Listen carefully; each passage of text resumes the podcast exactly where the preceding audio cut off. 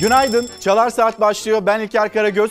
Bugün 3 Ocak 2024 günlerden çarşamba. Sağlıklı, mutlu, huzurlu bir gün olsun. Dileğimiz, temennimiz bu. Bugün önemli bir gün. Saatler onu gösterdiğinde TÜİK Aralık ayının enflasyon verilerini açıklayacak. Aralık ayının enflasyon verileriyle birlikte biz memur içinde, emekli içinde maaş zammı oranı ne olacak? Onu da öğrenmiş olacak olacağız. Birlikte bir hesap yapacağız. Siyaseti konuşacağız, ekonomi konuşacağız. Yaşam, yaşamdan haberlerimiz var. Zamlar var yine. E, bıktıran, usandıran zamlar. Ne zaman hayatımızdan çıkacak bu zamlar dediğimiz konular, başlıklar. Başlığımıza gelecek olursak da başlığımızda yine bir zam üzerinden, bıktırma üzerinden, usandırma üzerinden ve sürekli kendisini tekrar eden bir gündem üzerinden belki de kabak tadı verdi diyeceğiz. Bu arada İstanbul'un enflasyonu da açıklandı, ilan edildi. İstanbul'da e, kabak zam şampiyonu oldu. Aralık ayında %93.82 oranında artışta. Bugün başlığımız kabak tadı verdi. Sürpriz haberlerimiz, sürpriz yayınlarım da olacak bugün. Onu da hatırlatmış olalım. Hemen bir başlangıç yapalım. Başlangıç haberimiz de Necip Hablemitoğlu suikasti. Hablemitoğlu suikastinde e, firari bir sanık vardı. Firari sanık bir kez daha yakalandı. Yeni günün sıcak gelişmesi. Necip Hablemitoğlu suikasti sanığı eski Özel Kuvvet Komutanlığı görevlisi Nuri Gökhan Bozkır firarının ardından bir kez daha yakalandı. Fethullahçı yapılanmalara ilişkin çalışmalarıyla tanınan Ankara Üniversitesi öğretim üyesi doçent doktor Necip Hablemitoğlu 18 Aralık 2002'de evinin önünde uğradığı saldırı sonucu hayatını kaybetmişti. FETÖ'nün örgüt yapısını anlattığı son kitabı Köstebek ölümünün ardından yayınlanabildi. Benim gibi milyonlarca insan Fethullah Gülen'in yargılanmasını istiyor ve bu yapılanmanın dağıtılmasını istiyor. Hablemitoğlu'nun katil zanlısı Nuri Gökhan Bozkır 18 yıl sonra MIT operasyonuyla Ukrayna'da yakalanarak Türkiye'ye getirildi. Bu şahıs kırmızı bültenle aranıyordu. İstihbaratımız bu kişinin Ukrayna'da saklandığını tespit etti. Bu kişi Hablemitoğlu cinayeti zanlısı olarak şu anda ülkemiz yargısına hesap veriyor. Bozkır Türkiye'ye getirildi ama Mayıs 2023'te tahliye edildi. Kamuoyunda soğan tırları davası olarak bilinen IŞİD'e silah sağlama, örgüt üyeliği, tehlikeli maddelerin izinsiz olarak bulundurulması davasından da yargılanıyordu.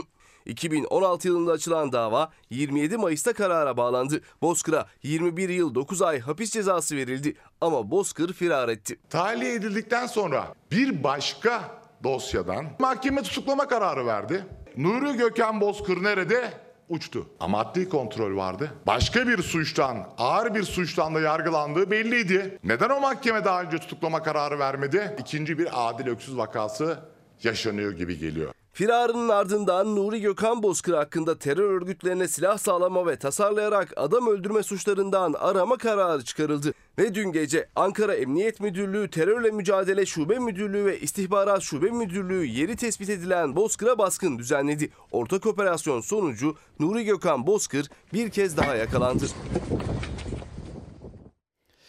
Memleketten haberlerle devam edeceğiz. Siyaset konusuna başlığına geçmeden şöyle bir gazeteleri getireyim ekranlarınıza. Kabak tadı verdi bugün başlığımız ve siz acaba bu başlığı kullanırken kendinize dair hangi gündemi işaretleyip de bizimle paylaşırsınız Instagram'dan da X Twitter'dan da.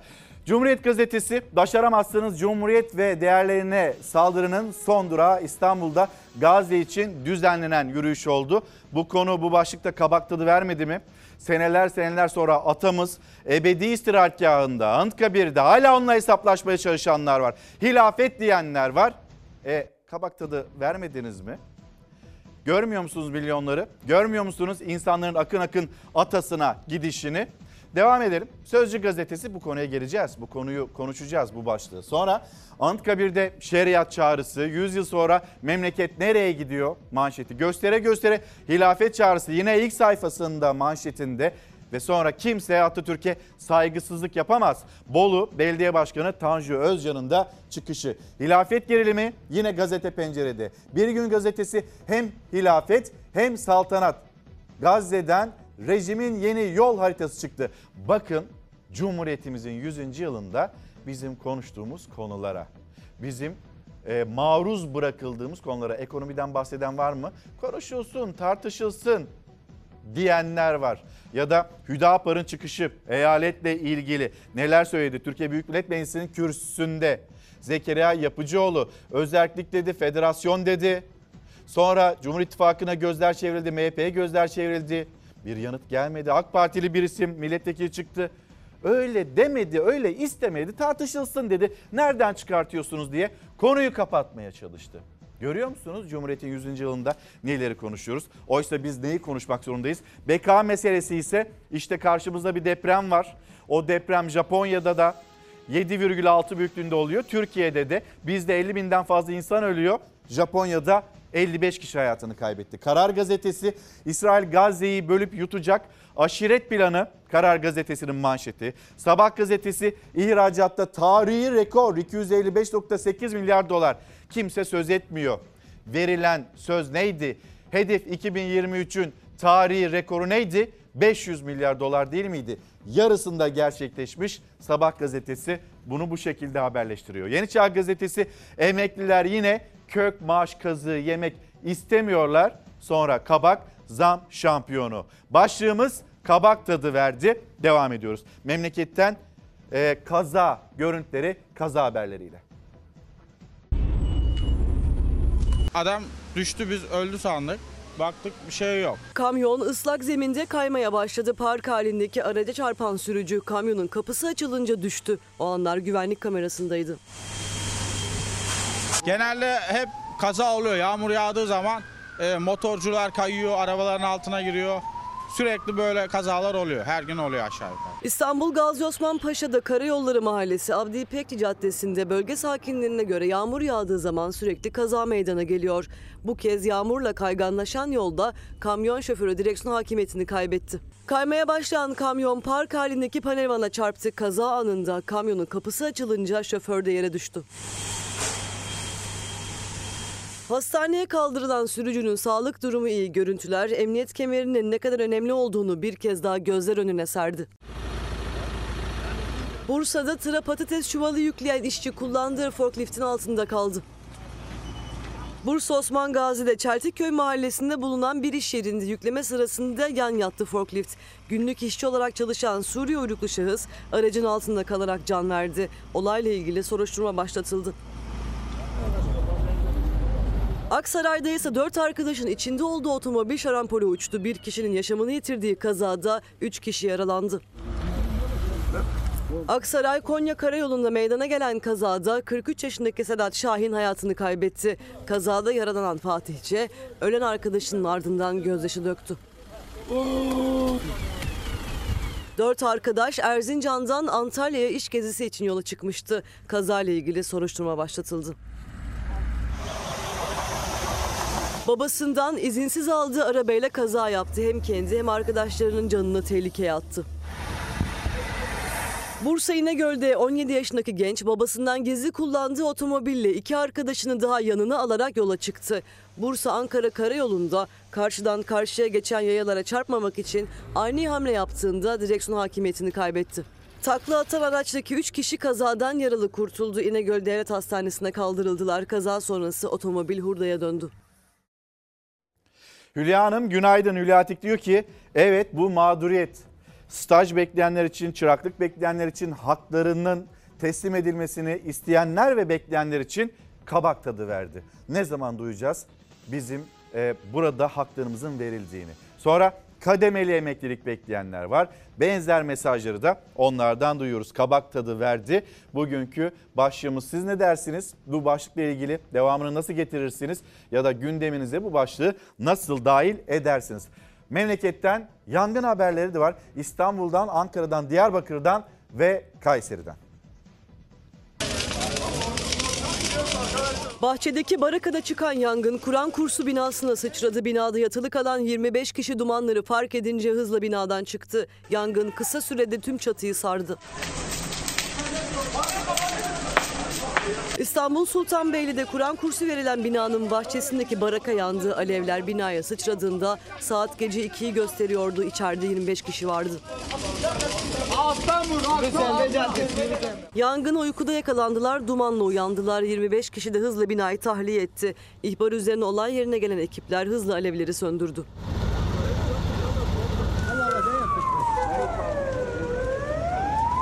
Alevlenince ondan sonra sağdaki soldaki iki tane dükkan esnaf arkadaşlar dükkanlara zarar oldu. Yandı. Ankara Altındağ'da bir kulübede devrilen soba yangın çıkardı. Yangın kulübeyi tamamen yakarken çevredeki iş yerlerine de hasar verdi. Tatlı yapıyordum tezgahımda. Bir anda dumanlar yükseldi. Sonra bir şeyler falan patladı havaya uçuştu. Sonra ben tezgahı kapattım gittim. Korktum yani. Büyük bir yangın çıktı çünkü. Önder Mahallesi Arzu Sokak'ta bir kişinin kaldığı kulübede soba devrildi. Kulübe anında tutuştu. İçindeki tüpler de patlayınca alevler parladı. İtfaiye ekipleri bir saatin ardından yangını söndürdü. Dükkanlarda maddi hasar meydana geldi. Yangının çıktığı kulübe küle döndü. Diyarbakır'ın Bağlar ilçesinde ise şarjı unutulan telefon patladı. Çıkan yangında bir anne ve dört çocuğu ölümden döndü.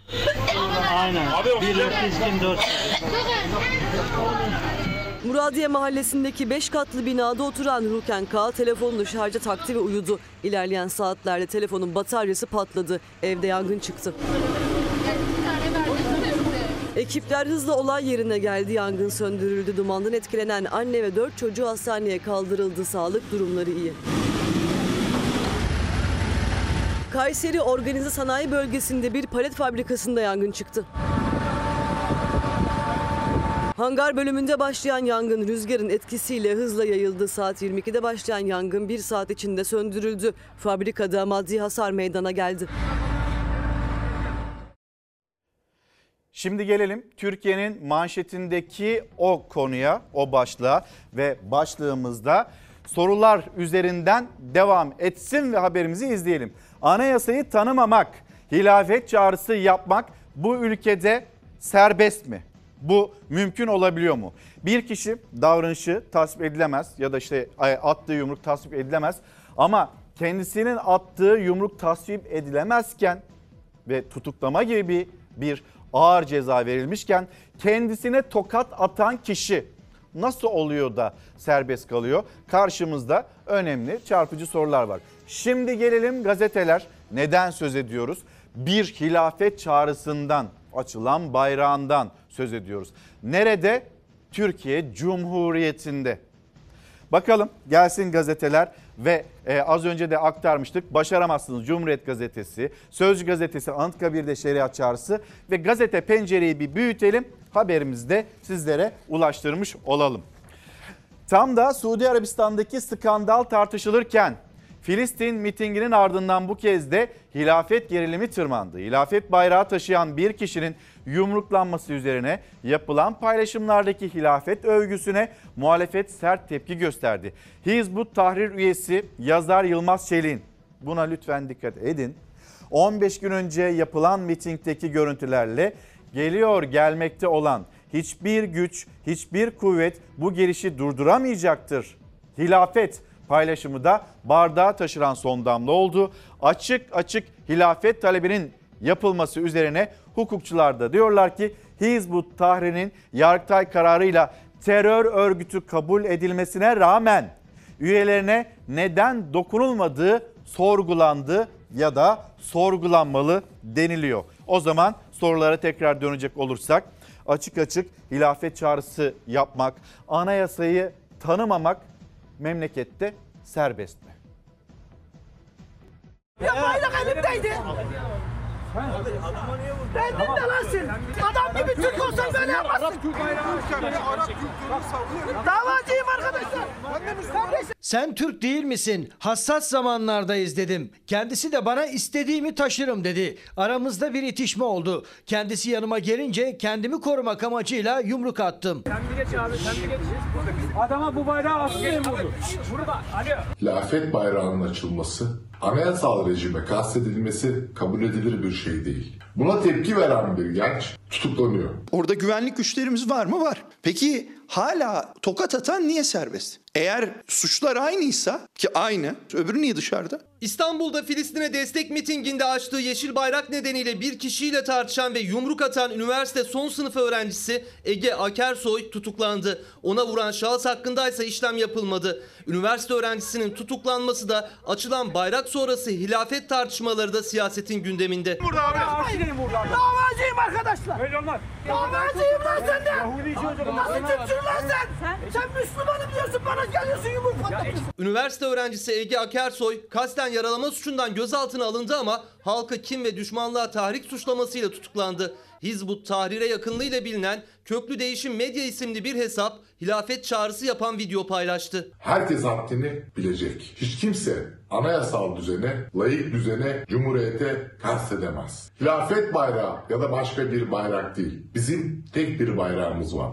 Ay yıldızlı bayrağımız. Bu ülke İslam ülkesidir. Adalet Bakan Yardımcısı açıkça bir anayasaya karşı suç işliyor. Anayasa ilk dört maddesine baktığımız zaman ikinci maddesinde Türkiye layık demokratik bir hukuk devletidir diyor. Adalet Bakan Yardımcısı Ramazan Can bu ülke İslam ülkesidir açıklaması yaptı. Daha önce de terörist başı Fethullah Gülen'i ABD'de ziyaret ettiğini açıklamış, tepkileri üzerine çekmişti. Arkadaşlar ben Amerika'ya gittim. Ziyaret ettik. 17-25 Aralık hadisesinden önce gerek ticarette, gerek siyasette, gerekse bürokraside yükselme o yoldan oluyordu. Türkiye adeta anayasaya koruyanların tutuklandığı, anayasaya karşı bayrak açanların serbestçe dolaştığı, propaganda yaptığı bir ülke haline geldi. Sen bir geç abi sen bir geç. Adama bu bayrağı askerim vurdu.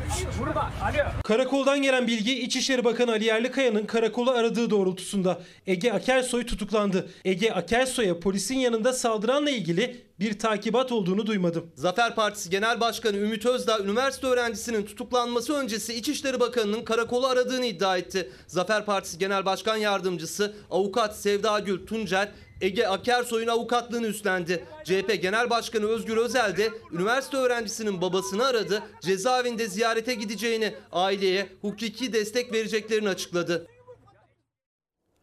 Adalet Bakan Yardımcısı yükselmek için bu cümleleri kuruyor. O dönemde bürokraside, ticarette neyse, nereyi gözlerine kestirirse insanlar yükselmek adına FETÖ'nün işte yerine malikanesine gidiyordu. Pensilvanya'ya gidiyordu.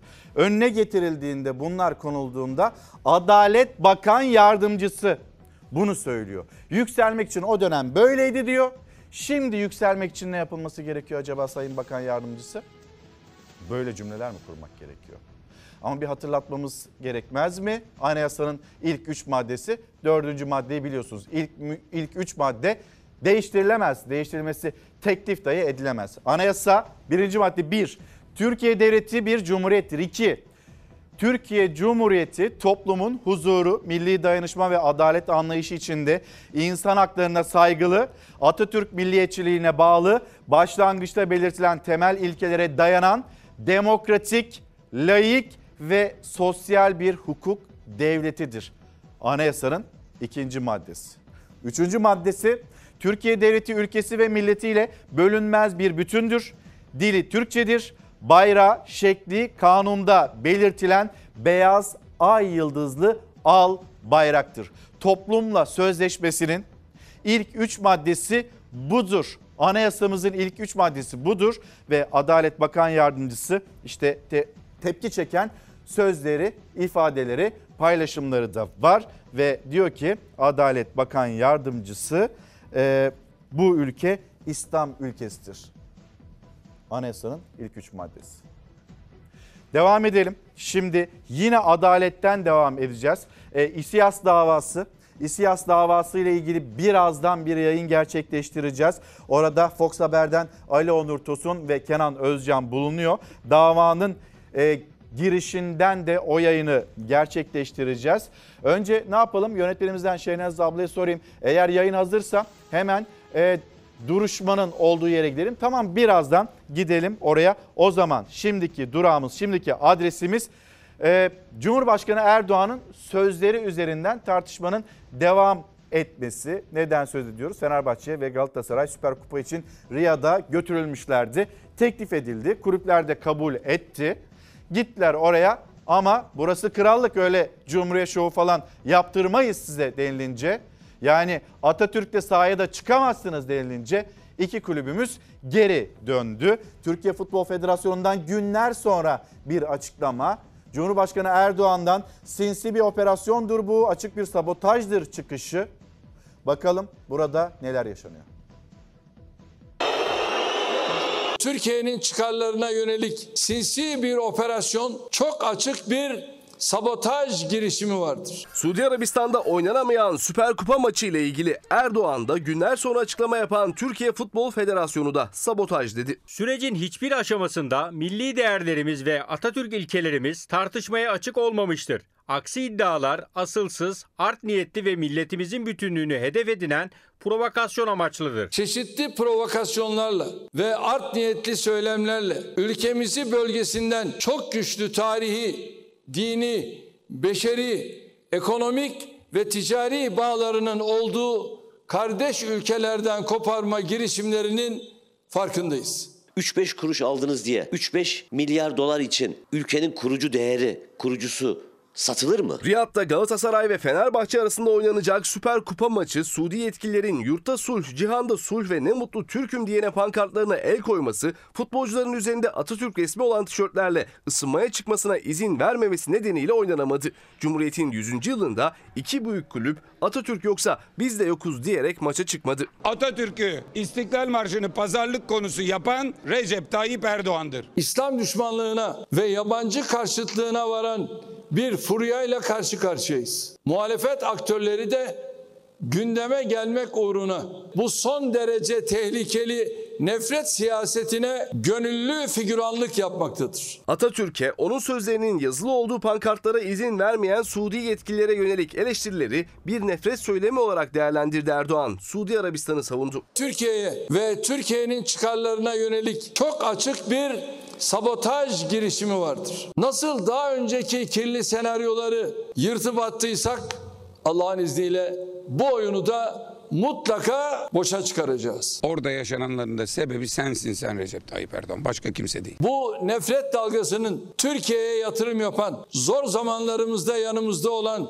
ülkemizin en önemli ticari ortakları arasında yer alan kardeş ülkeleri hedef alması asla tesadüfi değildir. İhracatımızda ilk üç ülke Birleşik Arap Emirlikleri, Rusya Federasyonu, Suudi Arabistan.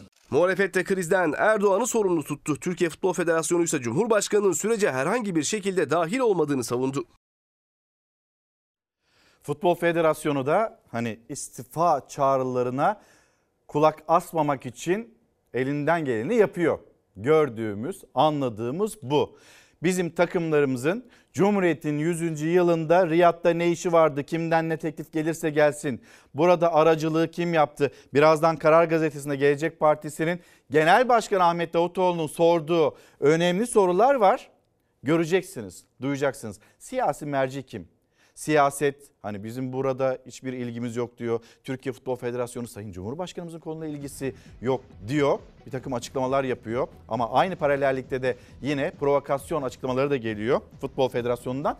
Konuşacağız birazdan. Önemli bir dava süreci e, o da İSİAS davası, İSİAS Otel davası bugün itibariyle başlıyor. Bilinçli taksir değil olası kast üzerinden bu davanın devam etmesini istiyor aileler hemen şimdi e, duruşmanın yapıldığı yere gideceğiz. Fox Haber'den Ali Onur Tosun, Kenan Özcan bizleri bekliyor. Konukları var.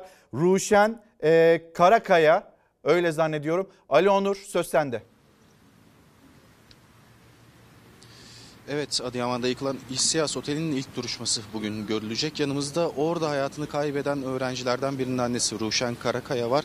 Çok da sözü uzatmadan sözü ona bırakmak istiyorum. Çünkü duruşma başlayacak ve bir basın açıklaması yapacaklar. Hemen onun düşündüklerini alalım, alalım. neler söyleyecek Ruşen Hanım. Buyurun. 11 aydır her gün 6 Şubat'a uyanıyoruz biz. Biz canlarımızı kaybettik.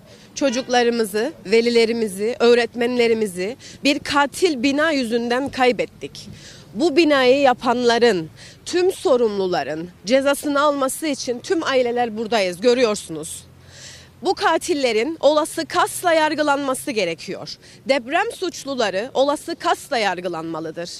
Gün yüzü görmemelidirler. Buradayız. Adalet için mücadelemiz başladı ve mücadelemize sonuna kadar devam edeceğiz.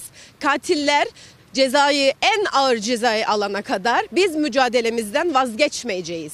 İSİAS ortak davamızdır. İSİAS katilleri gün yüzü görmeyecekler. Belediye çalışanlarından bu otelin yapımına izin verenin imza atan herkes sorumludur, cezasını alacaktır. Çocuklarımızı kaybettik biz. Bir nesil yok oldu Kıbrıs'ta. Çok değerli ailelerimizi, çok çalışkan em, öğretmenlerimizi kaybettik. Turist rehberlerimizi kaybettik. 10 saniye nefes almak için nefes alamıyoruz biz. Aileler görüyorsunuz ne haldeyiz. Bakın ailelere, bakın yüzlerine. İSİAS ortak davamız. Olası kasla yargılanmaları gerekiyor ve ömür boyu gün yüzü görmemeleri gerekiyor. Buradan Türk Cumhuriyeti adaletine tekrar sesleniyoruz. Biz adalet istiyoruz. Biz ayrıcalık istemiyoruz.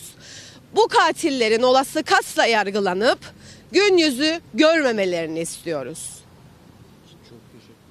Evet 5'i tutuklu 11 sanık yargılanacak davada. Bilinçli taksirden yargılanacaklar ama aileler olası kasla yargılanmasını istiyor sanıkların.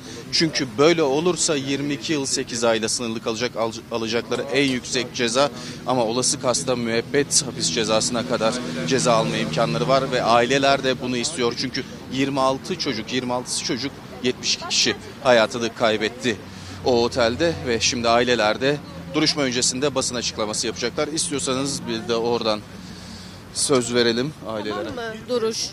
Biraz geri gidelim efendim. Biraz herkes bak. Evet siz bizi yönlendirin. Ben bir yazayım bekle. Sen canlıyı da çek. İsmail abi. Biraz bekleyebilir miyiz? Bekleriz. Bir saniye biraz bekleyelim. Bir saniye bekleyelim.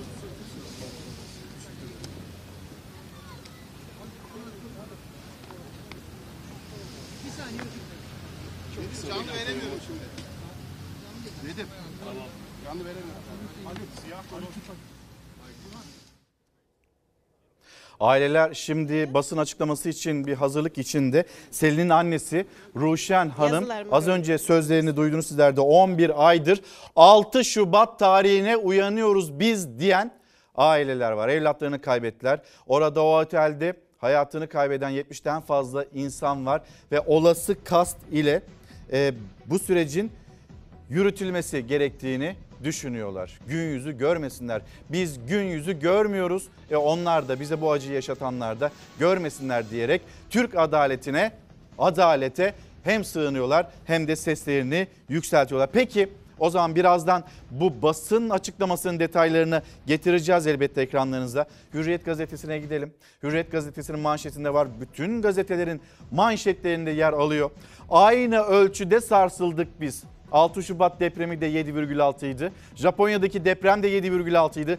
Biz 52 bin insanımızı kaybettik. Kayıplarımız var. Japonya'da 55 kişi hayatını kaybetti. İşte bugün Hürriyet gazetesinin manşetinde o haber gelsin. Bizde 50 bin, Japonya'da 55. Türkiye niye bin kat daha fazla kayıp verdi? Biz bu acıları niye yaşıyoruz? 11 aydır biz aileler, herkes neden 6 Şubat'a uyanmaya devam ediyor? Şimdi sizleri götüreceğimiz yer Japonya ve aynı zamanda Türkiye ile kıyaslama.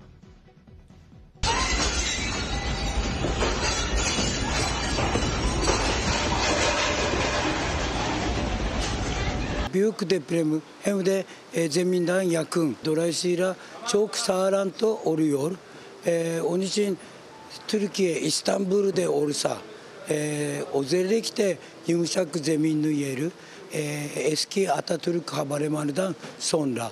アタキョイ。キシュクチェキメジェ。アウジラルビュークチェキメジェ。O civarında yumuşak zeminli yeri. Felaket de tabii ki olur.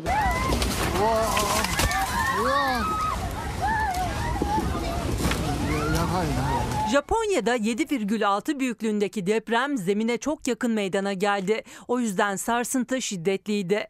Can kaybı ise 55 olarak açıklandı. Bu görüntülere tsunami'ye rağmen can kaybının sınırlı kalması gözleri Japonya'nın konut yapısına çevirdi. Japon deprem uzmanı Yoshinori Moriwaki bu büyüklükteki bir depremde İstanbul'da yıkımın çok büyük olacağına dikkat çekti. Çünkü Türkiye'de deprem eğitimi yok ve izinsiz yapılaşma çok. Japonya'sa e, izinsiz bina yok. Yani Türkiye'sa yapı denetimi sistemi var. Ama izinsizse gidip bu kontrolü de yapamıyor. Dolayısıyla Türkiye'nin yarısı izinsiz bina.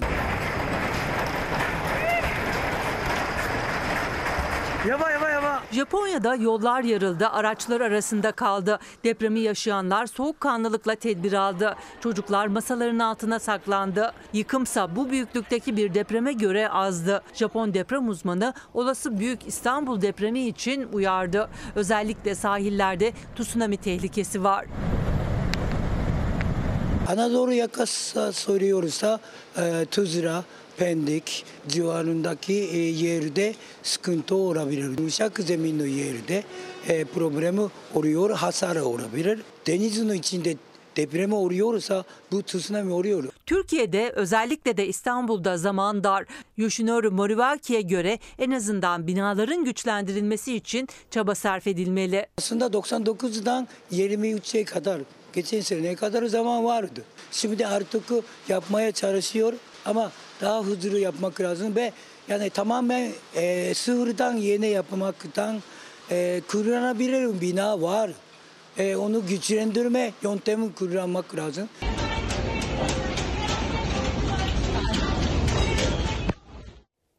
Şimdi hızlı bir şekilde molaya gideceğiz. Döndüğümüzde dünyanın notları olacak. Başlığımızı bir kez daha hatırlatayım. Kabak tadı verdi. Bıktıran, usandıran bir gündem var ama bu gündem içinde sizleri şaşırtacağımız e, haberlerimiz de var. Yayınlarımız da var. Sürprizlerimiz de olacak Çalar Saat'te. Hemen bir gidelim molaya. Dönüşte buluşalım. Çalar Saat Bülten sorumlusu Zafer Söken az sonra dünyanın notlarını paylaşacak. Yalnız biz sizi bir Japonya'ya götürelim. Japonya 2'de 2 yaptı. Yani yeni yılın ilk günü de ikinci gününde iki ayrı felaketle karşılaştı. Peki nasıl aştı o felaketleri? Mucizeyle değil, eğitimle.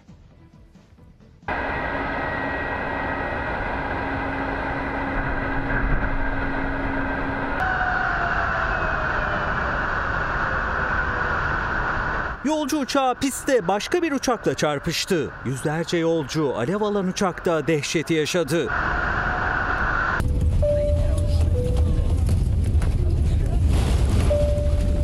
...2024'de deprem felaketiyle giren Japonya... ...yeni yılın ikinci gününde de uçak kazasıyla sarsıldı. Kaza başkent Tokyo'nun Haneda Havalimanı'nda meydana geldi. Japon Hava Yolları'na ait Airbus A350 uçağı inişten hemen sonra pistte sahil güvenlik uçağıyla çarpıştı.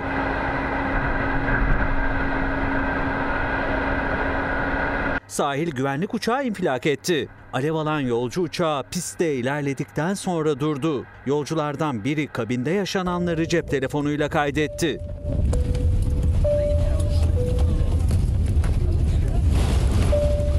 Kabin dumanla dolarken acil çıkış kapıları ve hava yastıkları açıldı. 379 yolcu ve mürettebatın tamamı uçağı 90 saniyede terk etti.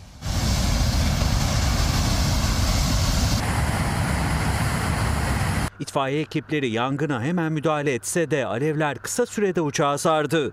Zaman zaman küçük patlamalar yaşanan uçak ikiye bölündü.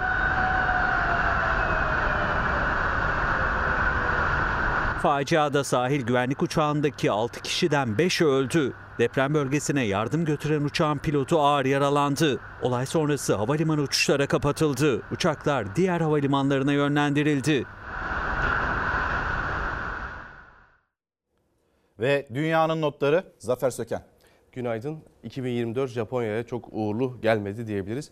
Ne yazık ki 2024'ten dilekler vardı savaş bitsin diye. Ama ne yazık ki o savaşlar da bitmedi. İsrail Gazze'de katliamlarını sürdürdü. Gazze Sağlık Bakanlığı'nın açıklaması son 24 saatte yani 2024'ün ilk günlerinde 207 Filistinli İsrail saldırılarında ne yazık ki hayatını kaybetti.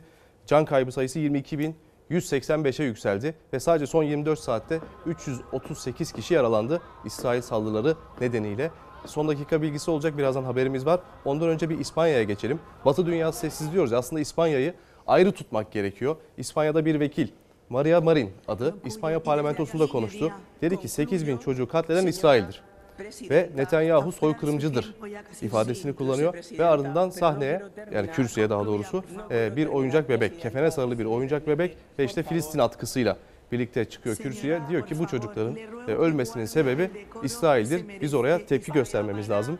Filistin kazanacak, yaşasın özgür Filistin diye de İspanyol milletvekili tepkisini gösteriyor İsrail'e. Söylediğim gibi İspanya'yı Batı dünyasından ayrı tutmak lazım. Hatta Cumhurbaşkanı Erdoğan da konuşmasında İspanya'yı ayrı tutup ifadeler kullanmıştı. Batı dünyasından en azından İsrail zulmünü gören ülkeler var, milletvekilleri var, bakanlar var. Onu diyebiliriz. Peki gece saatlerinde ne oldu?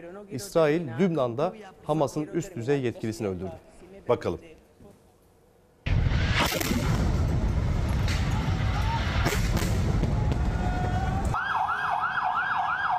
İsrail Lübnan'da Hamas yöneticisine hedef aldı. Aruri ile beraber 6 kişiyi öldürdü. Hamas'tan bu karşılıksız kalmayacak mesajı geldi.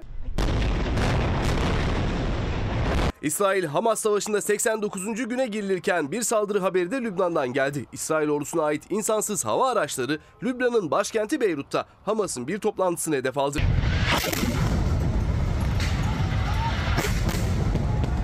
Lübnan resmi haber ajansına göre İsrail'in o saldırısında Hamas yöneticilerinden Salih El Aruri de dahil 6 kişi öldü, 11 kişi yaralandı. Olay yerinden gelen görüntülerde yüksek katlı bir binanın 3. katında büyük hasar olduğu ve sokağa bakan cephenin tamamen yıkıldığı görülüyor. Saldırı sonrası Hamas bu suç cezasız kalmayacak mesajını verdi. Lübnan Başbakanı da kendi topraklarında böyle bir saldırı olmasını kınadı. Saldırının Lübnan'ı İsrail-Hamas savaşına daha fazla çekme amacı taşıdığını savundu. Yine silah seslerinin, top seslerinin, patlama seslerinin yükseldiği bir yer daha var. E o da bizim komşumuz diyebileceğimiz bir yer, coğrafya. Neresi? Kuzey komşumuz, Karadeniz komşumuz. Rusya-Ukrayna savaşı. Ne yazık ki orada da savaş devam ediyor. Ukrayna Belgorod kentini vurdu Rusya'nın. Orada 24 kişinin hayatını kaybettiğini açıkladı Rusya. Ukrayna'yı suçladı bu saldırı neticesiyle. Ukrayna bunu kabul etmedi henüz ama Rusya diyor ki hayır Ukrayna bizi vurdu ve Putin bu karşılıksız kalmayacak demişti. Kiev'e ve Karkiv'e Rusya bu kez saldırı düzenledi. İşte yeni yılın ilk günlerinde Karkiv'de de 22 kişi hayatını kaybetti. Ukrayna şimdi bir kış savaşına hazırlanıyor. 500 bin e, mayın savar tank mayını özür dilerim tank savar mayını yerleştirdi e, topraklarına Rus işgaline karşı. Orada da zorlu bir kış geçecek gibi görünüyor. Rusya-Ukrayna savaşında bu bahsettiğim işte o tank savar mayınlarının yerleştirilme alanlarına ait görüntüleri de Ukrayna ordusu bizzat paylaştı. 2024 dünyada en çok seçimin olduğu yıl olacak. Dün akşam ana haberde de Selçuk Tepeli bahsetmişti. Hangi ülkelerde olacak ve onlardan bahsetmek istiyorum. Mesela Amerika'da bir seçim var Kasım ayında. Trump ve Biden yarışacak görünen o ki. Ekonomist de bu seçimlere dair öngörülerini paylaşmış. Ama burada Amerikan seçiminde Biden mı Trump mı kim kazanır hala belli değil. Başa başlıyor The Economist. Benim ama şahsi yorumum Trump'ın önde olduğu yönünde. Yani, iki, yani Biden'a karşı Trump başka bir aday olursa e, ondan emin olamam. Rusya'da seçim var. Vladimir Putin tabii ki Vladimir Putin'in kazanacağını e, ekonomist de öngörmüş. Çin'de seçim var. Xi Jinping yine e, seçilecek ve devam edecek görevine diye. Hindistan'da seçim var. Modi yine seçilecek ve görevine devam edecek diye. Ama görevinde kalmayı sürdürmeyeceğini düşündüğü isimler var ekonomistin.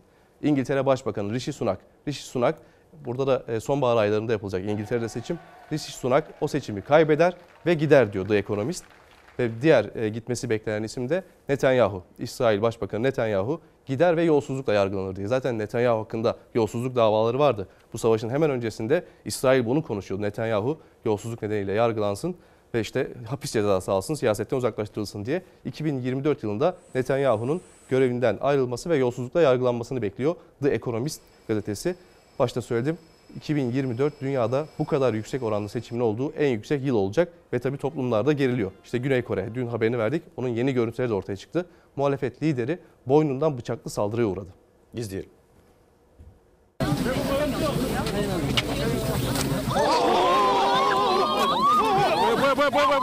İmza alma bahanesiyle yaklaştığı ana muhalefet liderini kameralar önünde boynundan bıçakladı.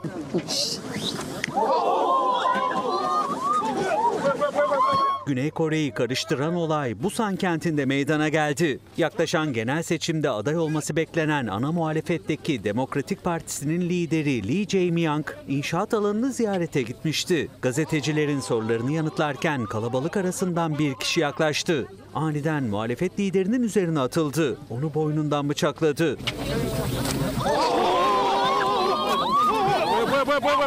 Saldırgan çevredekiler tarafından yakalandı. Yaralanan muhalefet lideri Lee'ye ilk müdahale olay yerinde yapıldı. Hastaneye kaldırılan 59 yaşındaki siyasetçinin hayati tehlikesinin bulunmadığı açıklandı. Polisin gözaltına aldığı saldırganın muhalefet liderini neden hedef aldığı henüz bilinmiyor. Buradaki gelişmeleri de takip edeceğiz. Niye böyle bir saldırı düzenlendi ana muhalefet liderine Güney Kore'de? Göreceğiz, öğreneceğiz. Hindistan'a geçelim. Hindistan'da da yine yani Asya kıtasında kalarak yürekleri ağza getiren bir görüntü.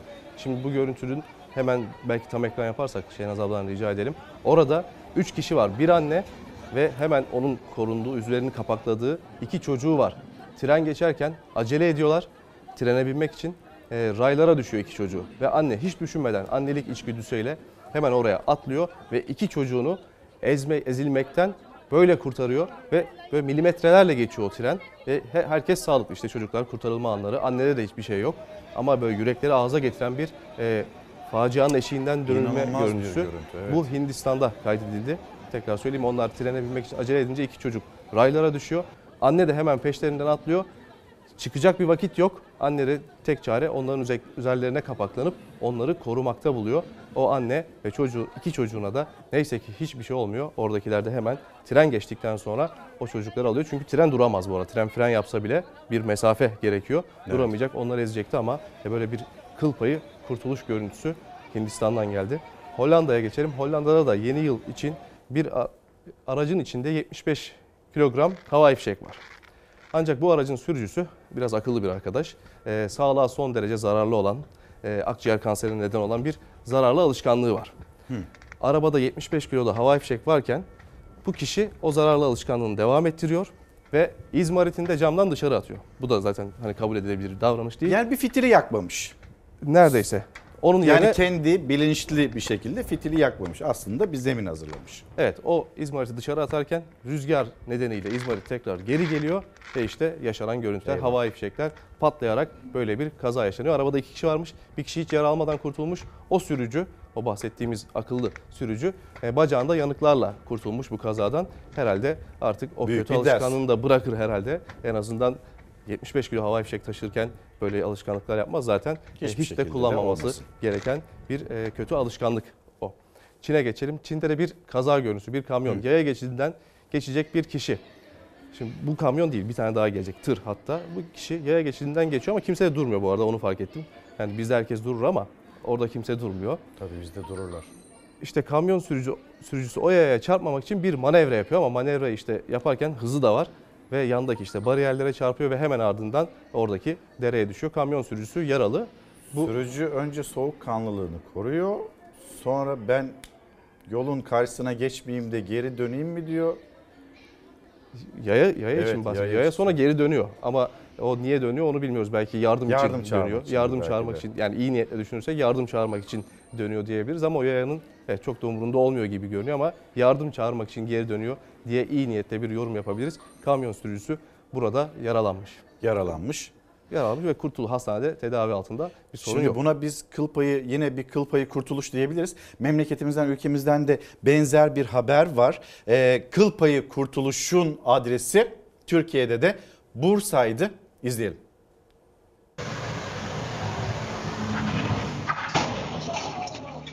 Sürücünün bir anlık dikkati ve yaptığı manevra 5 yaşındaki çocuk ezilmekten böyle kurtuldu. Bursa'da yaşandı yürekleri ağza getiren kaza bir çocuk ailesinin yanından uzaklaştı yola doğru koşmaya başladı. O sırada bir otomobil sokakta ilerliyordu ve faciadan kıl payı kurtulunan o anlar. Sürücü anlık bir manevrayla çocuğa çarpmaktan kıl payı kurtardı aracı. Otomobili park halindeki servis minibüsüne çarparak durdu. Kazada kimseye bir şey olmaması en büyük teselli oldu. Devam edelim yine dünyanın notlarıyla. Evet Çin'e geçeceğiz ama özür dilerim e, Rusya'ya geçeceğiz ama burada sürücüye de dikkat çekmek lazım. O sırada başka bir yere bakıyor olsa, telefonuyla ilgileniyorsa Allah korusun büyük bir facia yaşanabilirmiş. Sürücünün dikkatli olması e, çocuğu kurtarmış. Son zamanlarda yaşanan kazaların zaten çoğunluğu da e, o dikkatsizliğe sebep olan e, konuda cep telefonu onu da hatırlatalım. Evet ve manevrayı fazla yapmaması da önemli aslında burada. Daha sert bir manevra yapsa kendileri e, hayatını kaybedebilirdi. Neyse ki kimseye bir şey olmamış. Sadece maddi bir hasar var. Geçmiş olsun diyelim kendilerine. Yeni yıl kutlamalarına uzanacağız. Rusya'ya gideceğiz. Rusya'da bir grup bunlar da komşuları hedef almışlar havai fişek kullanırken. Yani nasıl bir eğlence anlayışı ondan çok emin değilim. Eğlence midir?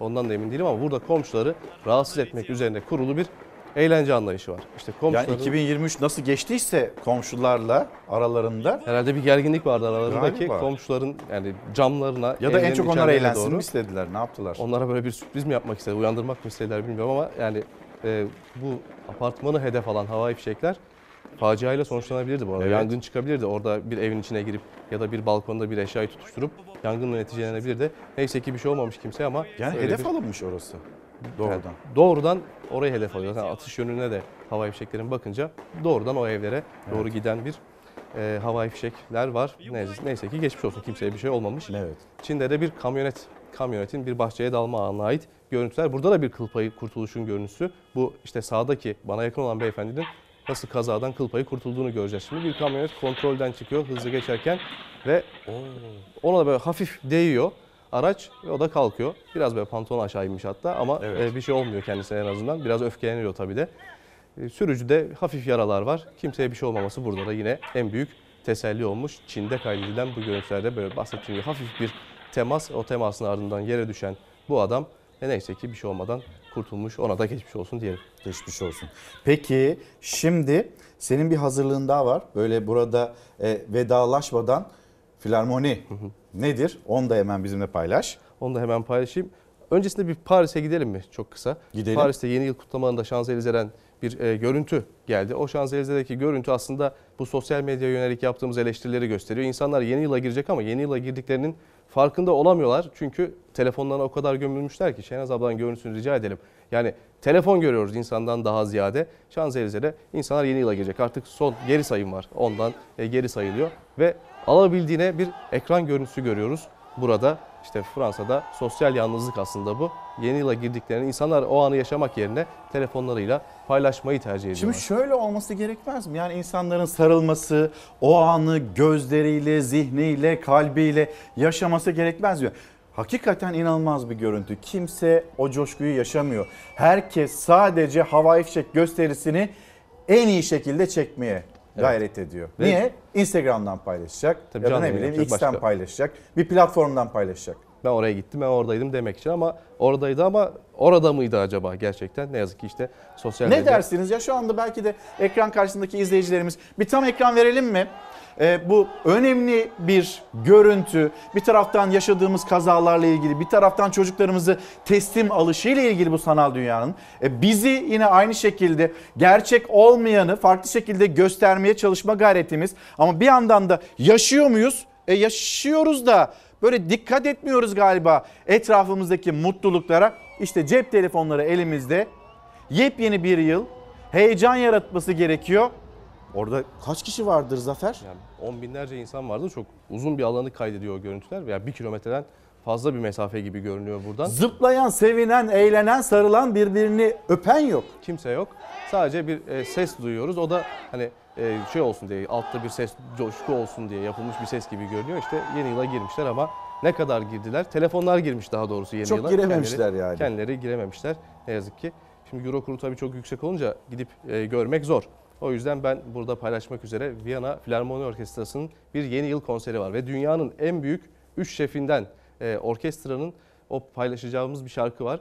O şeflerin seyirciyle nasıl reaksiyona girmesi de o çok güzel. Yani o reaksiyona giriyor. Seyirciyle beraber o eseri icra ediyorlar. Onun görüntüleriyle ben veda etmek istiyorum. Zafer Söken hemen o görüntüleri getirelim ekranlarınıza. Biz de molaya gideceğiz ama görüntülerin ardından tekrar bir geri gelelim. Bir hatırlatmam var molaya gitmeden önce.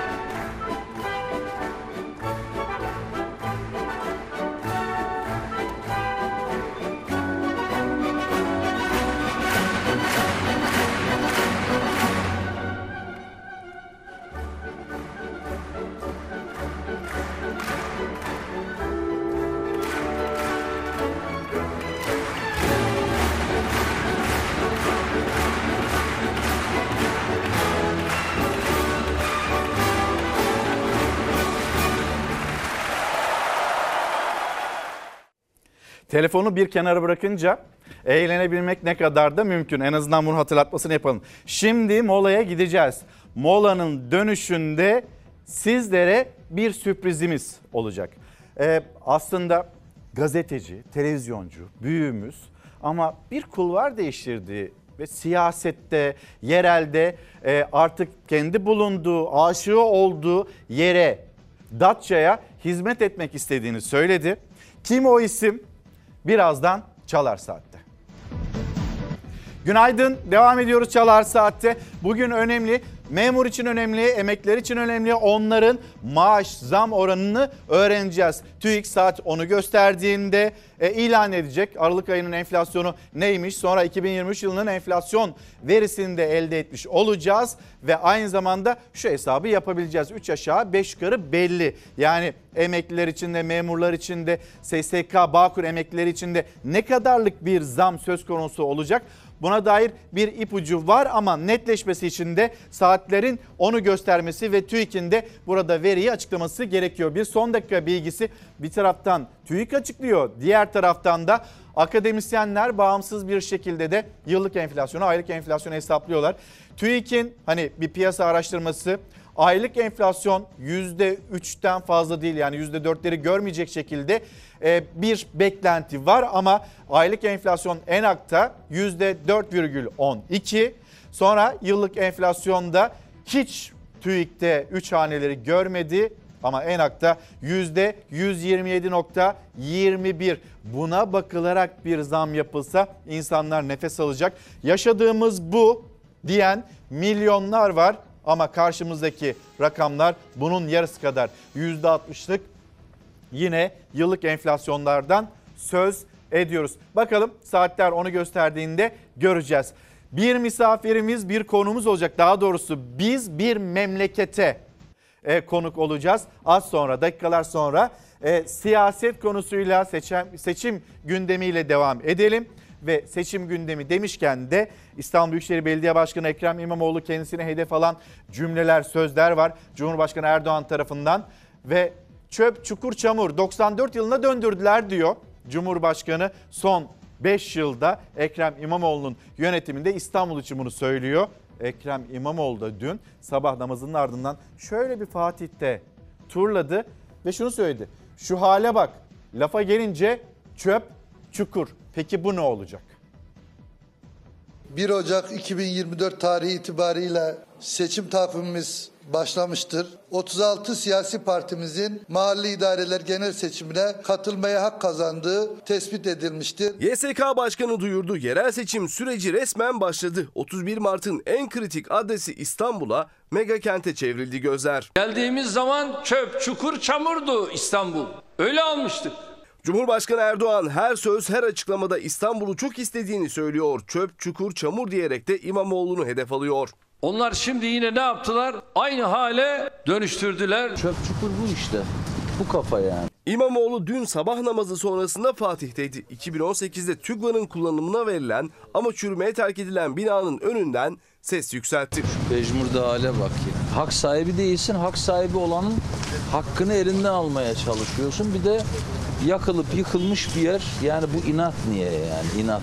Laf gelince çöp çukur. Aday tespit komisyonunu bir kez daha toplayan AK Parti işi sıkı tutuyor. Temayül yoklamaları tamamlandı. CHP'de ise Adana, Mersin, Antalya, Aydın ve İzmir için parti içi süreç devam ediyor. Sayın Genel Başkanımız da İstanbul ve Ankara adaylarla ilgili e, değerlendirmelerini kapsamlı bir şekilde yapıyor. Meraka mucip olsun. Kulislere göre İyi Parti'de Büyükşehir adaylarını Ocak ortasında Adana'da yapacağı istişare toplantısından sonra duyuracak.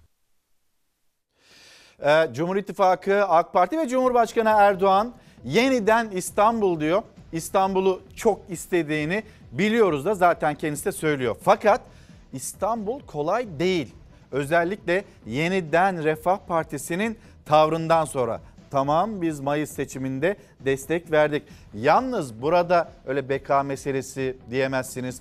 Ayrıca bize verdiğiniz sözler vardı. Onları yerine getirmediniz. Nedir bu faizlerin hali? Biz şimdi bu seçimde e, çöpümüzü kim toplayacak, sokakların temizliğinden kim sorumlu olacak? Bunun oylamasını yapacağız. O yüzden de İstanbul'da da, Ankara'da da, İzmir'de de biz de aday çıkartacağız dedi.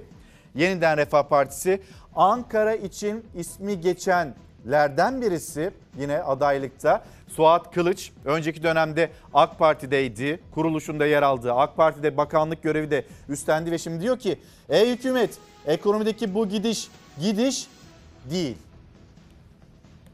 Ey hükümet! Ekonomideki bu gidiş gidiş değil. Faizlerdeki bu artış haklı bir durum değil. Bu zamları biz taşıyamıyoruz. Bu hayat pahalılığını kaldıramıyoruz. Bu mektup Yüksek Seçim Kurulu'nun zarfına mühürlenmiş pusula olarak konulacak ve 31 Mart 2024 tarihinde sandıklara atılacak. Yeniden Refah Partisi manifesto gibi cümleler ve sert itirazlarla kendisini Cumhur İttifakı'nın dışına attı. İstanbul'da da Ankara'da da İzmir'de de aday çıkartacaklar. Cumhurbaşkanlığı seçiminde beka meselesidir dedik. Erdoğan'dan yana tavrımızı belirledik. Ama artık bu seçim yerel seçim değerli arkadaşlar. Aralık ayının sonunda açıklanacaktı beklemeye alındı. AK Parti İstanbul adayını Ocak ortasında duyuracak. Peki bu isim kim olacak? Kulisler hareketli Karadenizli aday kriterinden vazgeçilirse İstanbul için Murat Kurum güçlü bir isim. İçişleri Bakanı Ali Yerlikaya'da. Ankara'da ise Turgut Altınok en sonunda Büyükşehir Belediye Başkanlığı'na aday olabilecek gibi. İsmi daha yüksek sesle dillendiriliyor artık. Ama Cumhur'un ve AK Parti'nin iki büyük şehirde kazanma planını zora sokan kararlar var. 2019'da AK Parti Ankara ve İstanbul'u kaybetti. Şimdi bu yerel seçimlerde de kaybedecek. Yeniden Refah Partisi restini çekti. Pahalılığı, enflasyonu, yüksek faizleri hatırlatarak iktidarın verdiği sözleri tutmadığını söyledi. Yeniden Refah'ın İstanbul adayı henüz net değil ama Ankara adayının Suat Kılıç olmasına kesin gözüyle bakılıyor. Ey hükümet! Ekonomideki bu gidiş gidiş değil. Mektubumuza satır satır bunları yazacağız. Bu mektup Yüksek Seçim Kurulu'nun zarfına mühürlenmiş pusula olarak konulacak ve 31 Mart 2024 tarihinde sandıklara atılacak. Ankara'da ülkeyi yönetenler açık mektubunuzu okumuş olacak. Bu kadar net. Karar Sabah ve Yeni Çağ gazetelerine hızlı bir şekilde bakmak istiyorum. Çünkü varmak istediğimiz bir yer ve anlatmak istediğimiz bir durum var. Emekliler bunu anlatıyor, anlatıyor, anlatıyor. Sesini duyuramıyor. 2000 öncesi, 2000 sonrası memur emeklisi, ondan sonra Bağkur emeklisi, SSK emeklisi bu ayrım niye diye seslerini duyurmaya çalışıyorlar. Biz de ses katalım. Gelelim Karar Gazetesi'ne. Siyasi talimatı kim verdi? Süper Kupa skandalına ilişkin vahim iddialar ortaya atılmasına rağmen e, doyurucu bir açıklama yapılmadı. Davutoğlu da devletin itibarını etkileyecek bu tercih ile ilgili siyasi talimatı kim verdi sorusunu yöneltti. Davutoğlu bu soruyu soruyor. Türkiye Futbol Federasyonu hayır Cumhurbaşkanımızın burada yaşananlardan bir bilgisi yok. Biz kulüplerimizi bize teklif geldi. Kulüplerimizi ilettik. Kulüpler de kabul etti. Ama işin içinde Atatürk'e yönelik bir saygısızlık olunca biz de vazgeçtik diyenler arasında Türkiye Futbol Federasyonu. Biz buraya nereden niye geldik? Herkes de bunu anlamaya çalışıyor. Bakın Cumhuriyet'in 100. yılında kupanın neden monarşiyle yönetilen bir ülkede oynanması tercih edildi. Bize bunu niye yaşattınız? Burası krallık. Size Cumhuriyet şovu yaptırtmayız. Niye dedirttiniz Türkiye'ye? Devam. Maç öncesi provada İstiklal Marşı ve Atatürk posteri var mıydı? Varsa Suudlar buna itiraz etti mi? Neden itiraz edilmedi? Spor Bakanı krizi çözmek için ne yaptı? Erdoğan bakana ve Türkiye Futbol Federasyonu Başkanı'na hangi talimatları verdi? Türkiye'nin olmadığı Dünya Kupası'nın finalinde finaline bile giden Cumhurbaşkanı neden 100. yılının kutlanacağı e, bu finale gitmedi? İşte peş peşe sorular. Gelelim Sabah gazetesine. Sabah gazetesinde manşetteki haber ihracattaki rekorumuz aman ithalattan söz etmeyin yaklaşım tabii. İhracatta tarihi bir rekor var. 255.8 milyar dolar, dolarlık bir tarihi rekordan söz ediyoruz. 2024 hedefi 375 milyar dolarmış. Umarım gerçekleşir ama ithalat da rekor kırmadan gerçekleşir. Asıl bizim 2023 hedefimizin de 500 milyar dolar olduğunu hatırlatalım. Peki velev ki öyle bu rekoru kırdık. O zaman emeklimize güzel bir zam verebilmek mümkün olmaz mı? Yeni Çağ gazetesinde emekliler yine kök maaş kazığı yemek istemiyor. Önce bir kök maaşa gelelim ondan sonra ne zam yapacaksanız öyle zam yapın diye emeklilerin seslenişi var. Göreceğiz hep birlikte. Ne diyor emekliler? Duyalım seslerini. Biz de geçinemiyoruz. Memur emeklisi olarak bizler de aynı sıkıntıyı çekiyoruz. Zamlar gelmeden eriyip gidiyor. Memurlar işçi emeklilerinden daha fazla zam aldığı halde onlar bile müzdaripken biz ne yapalım? Nasıl Yap- geçiniyorsunuz? Kazma kürek, amelelik. Ya ne işi olsa yapıyoruz. Çünkü başka çaremiz yok. 85 yaşındaki memur emeklisi Ilgar Tahın'ın da 6 ay önce SSK'dan emekli olan Nihat Bardakçı'nın da gözü TÜİK'te. Geçim sıkıntısını aynı oranda hisseden iki emeklinin zamları farklı olacak. SSK ve Bağkur emeklileri son 6 aylık enflasyon kadar zam alacakken memur emeklilerine ise enflasyon farkının üzerine toplu sözleşmeden gelen oran eklenecek. 4 milyonu aşan kamu görevlisi, 2 milyon aşkın memur emeklisi olmak üzere 6 milyonun üzerinde bir kitleyi doğrudan ilgilendiren %50'ye çıkacaklar. Ama bizim de emekli tek kelimeyle aç. Asgari ücretin altında emekli maaşı kalmamalıdır. Emeklinin sendikası yok işçi emeklisinin. Pazarlık hakkımız da yok. Bizim şimdi yüzde iki buçuk refah payımız vardı. Onu da kaldırdılar. Ben gün be gün fakirleşiyorum. İki tane nar alıyorsun bir kilo geliyor iki nara 50 lira para nasıl vereyim? Siz verebiliyor musunuz? Ben de veremiyorum. Bizde zam vermesinler ama piyasayı tutsunlar. Memur ve memur emeklilerimizin satın alma gücünü Memur ve memur emeklilerinin alacağı zam toplu sözleşme masasında belirleniyor. İlk 6 aylık zam oranı %15. Bir de enflasyon farkı eklenecek. Memur emeklileri yaklaşık %50 zam alacak. SSK ve Bağkur emeklileri ise yaklaşık %38. Arada 12 puanlık fark var. Öbür tarafta tabii ki memurun sendikası var. Toplu sözleşmeye oturuyor. İstediklerini alamasalar da pazarlığın yanındalar. İşçi ve Bağkur emeklilerinin ne var? Sadece kanundaki bir madde var. Bunun üstü meclisimizin lütfuna kalmış. 2002 yılında bir asgari ücretli 184 TL alırken ben 920 TL'ye para alıyordum. Neredeyse 5 katına yakın.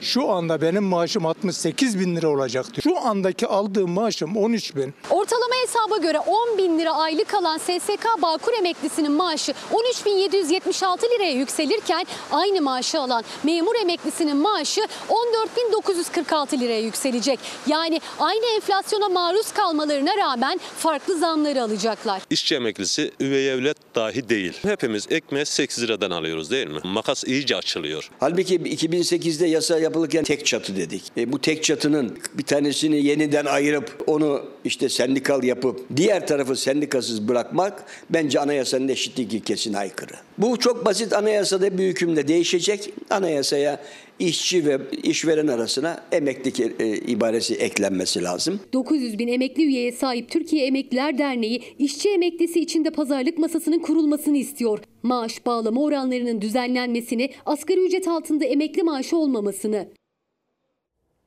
Memleketten haberlerle devam edeceğiz. Balon balığı biliyorsunuz kıyılarımızda artık çok daha fazla görüyoruz. Ee, işte atıyorsunuz oltayı birden balon balığı yapışıyor. Sizin yeminize de oltanıza da sahte oltanıza da. Bunu bilmeyenler, bu balığı tam olarak tanımayanlar evine götürüp pişirenler de e, olabiliyor. Böyle bir durum ve bir ailenin balon balığı sebebiyle zehirleniş. O da bilmiyormuş herhalde zehirli olduğunu.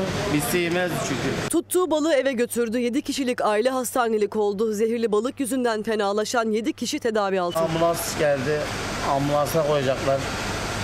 İşte inşallah Allah'ın izniyle iyi olurlar. Hatay'ın İskenderun ilçesinde depremde dükkanı yıkılan Müfit Aslan hobi olarak balık tutuyordu. Bu kez tuttuğu zehirli balon balığıydı ancak balığın zehirli olduğundan haberi yoktu.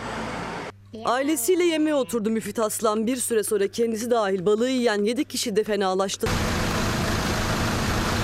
İskenderun Devlet Hastanesi'nde ilk müdahale yapıldı Aslan ailesine. Ardından Adana'ya sevk edildiler. Tedavi altındaki 7 kişiden birinin durumu ağır. Nasıl yani? Riyad'daki bu organizasyondan Cumhurbaşkanı'nın haberi yok muymuş diye soruyor izleyicilerimiz. Türkiye Futbol Federasyonu öyle söylüyor. Ee, yıllarca didin, çalış, alın teri dök, bu ülkenin büyümesi için katkı sağla, vergini ver. Neticede bizim alacağımız maaş 7500 lira mı olacaktı diyen emeklilerimiz var. Kabak tadı verdi başlığı altında konuşurken belki de bu geçim bu zamlar nasıl da kabak tadı verdi bunu anlatıyorsunuz sizler de ya da eklemeler yapacaksanız lütfen oradan da e, devam edelim. Arkadaşlarım uyarıyor kulağıma da sesleniyorlar. E, o zaman hadi bugün sürpriz bir yayın gerçekleştireceğiz demiştik. Sizleri Datça'ya götürelim. Datça'da bizi kim bekliyor? Mesut Yar bekliyor. Mesut abi günaydın. Şimdi e, hani bu hayatta şu da varmış. Gazeteci, yazar Mesut Yar ile Çalar Saat'te e, benim bir e, siyasetçi ile yayını yapma gibi bir durumum da varmış. Şimdi karşımda Mesut Yar bizim Mesut abimiz bir siyasetçi. Yerelde siyaset yapmak isteyen bir kişi olarak konuğumuz. Günaydın hoş geldin. Sesim güzel geliyor mu abi? Günaydın sevgili İlker. Gayet güzel geliyor. Çünkü Dacia'da seslerin hepsi e, bizim kulağımıza güzel geliyor. Kötü gelen bir ses yok. E, tüm buradaki hemşerilerimle birlikte sizi e, tüm sülalemi saygıyla selamlıyorum. Yeşil ve Mavi Datça'dan. Yer olarak biraz burayı tercih ettik çünkü Datça'da yine tatlı bir e, yağışlı hava var. E, ama insanlar bir şekilde sağ olsunlar teveccüh gösterdiler ve hepsi e, yanımda duruyor şu anda. E, Valla güzel geliyor sesim, bey, senin sesin. Benimkisi güzel geliyorsa e, çok uzun zamandır canlı yayın yapmıyorum. Hafif de bir heyecan olabilir çünkü siyasetçi olarak ilk meydana çıkışımız. Heyecan verici benim için de bu yayın. Mesut abi bir kere onu söyleyeyim. Mesut Yar Cumhuriyet Halk Partisi'nin Datça'dan e, belediye başkan aday adayı. Ama hani bu yol, bu yolculuk nereden geldi, bu fikir nasıl yerleşti? 27 senedir oraya giden, orayı yaşayan, her taşını, her sokağını, her caddesini bilen bir kişi. Ama siyaset fikri nasıl yerleşti? Mesut abi bize bir onu anlatır mısın? Çok net söyleyeyim e, aslında bir buçuk yıl kadar önce e, hem teknokrat, bürokrat, e, iş insanı, sanatçı, aklına gelebilecek köylü, tüm sevdiğim arkadaşlarımla bir STK kararı almıştık. Uzun zamandır yaşadığımız Datça'ya yönelik. Sonra yerel seçimler bir fırsat oldu ve benim bu melek konsey dediğim arkadaşlar dediler ki o zaman vitrine çık. Hakikaten bu sadece teoride kalmasın artık pratiğe dökelim ve Datça halkına Datçalılığın keyfini sonuna kadar yaşatalım dediler. Ee, kolay bir şey değildi 39 yıllık mesleği geride bırakmak. Ama ama sen de teslim edersin ki ve bugünlerde yaptığın üzere insanda çok ciddi bir mental yorgunluk oluyor. Çünkü insanlara iyi haber veremeyince e, İlker ister istemez gülümsememiz solmuş oluyor. O gülümsemenin daha fazla solmasına izin veremez. O kadar haklısın ki Mesut abi. Yani her sabah hiçbir güzel haber yok diyen izleyicilerimiz var. Ee, ve onlar da e, diyorlar ki ya işte bizim geçimimiz ne olacak, biz ne olacağız? E, güzel haberler ya da yüzümüzü bir şekilde e, hani çok da bozmadan, gülümseyerek bir gündemi anlatmaya çalışıyoruz. İnsanları yeni gün hazırlamaya çalışıyoruz ama ne kadar zor. Ya çok zor. E, elbette sana e, çok sevgili senin de sülalenden e, birçok mesaj gelmiştir. E, bugün e, üç harfli var mı? Hani zam haberlerini ben bilirsin. Üç harfli diye sunarım ya. Bugün yeni üç harfli var mı? Var abi olmaz mı her gün var. olmaz mı? Sen e, son günlerde izliyorum maşallah. üç harfli bülteni gibi gidiyor.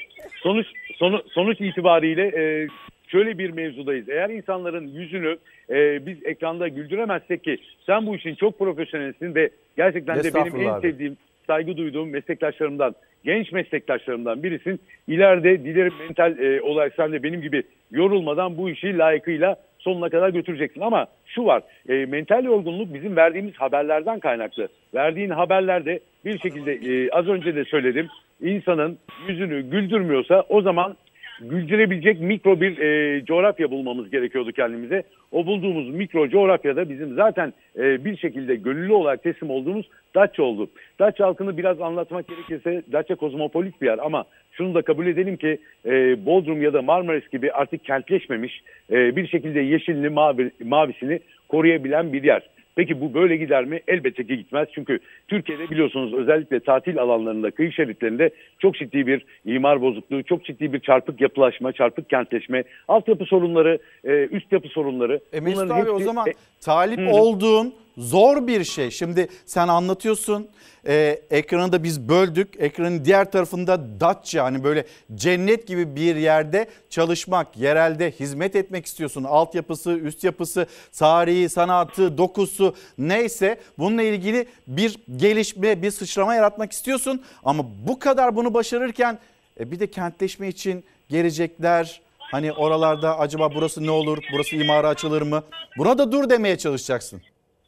Tabii bir yandan şöyle bir şey var. Ee, bu anlamda bizim çok ciddi genel merkeze verdiğimiz 200 sayfalık bir, e, bir projelendirme var.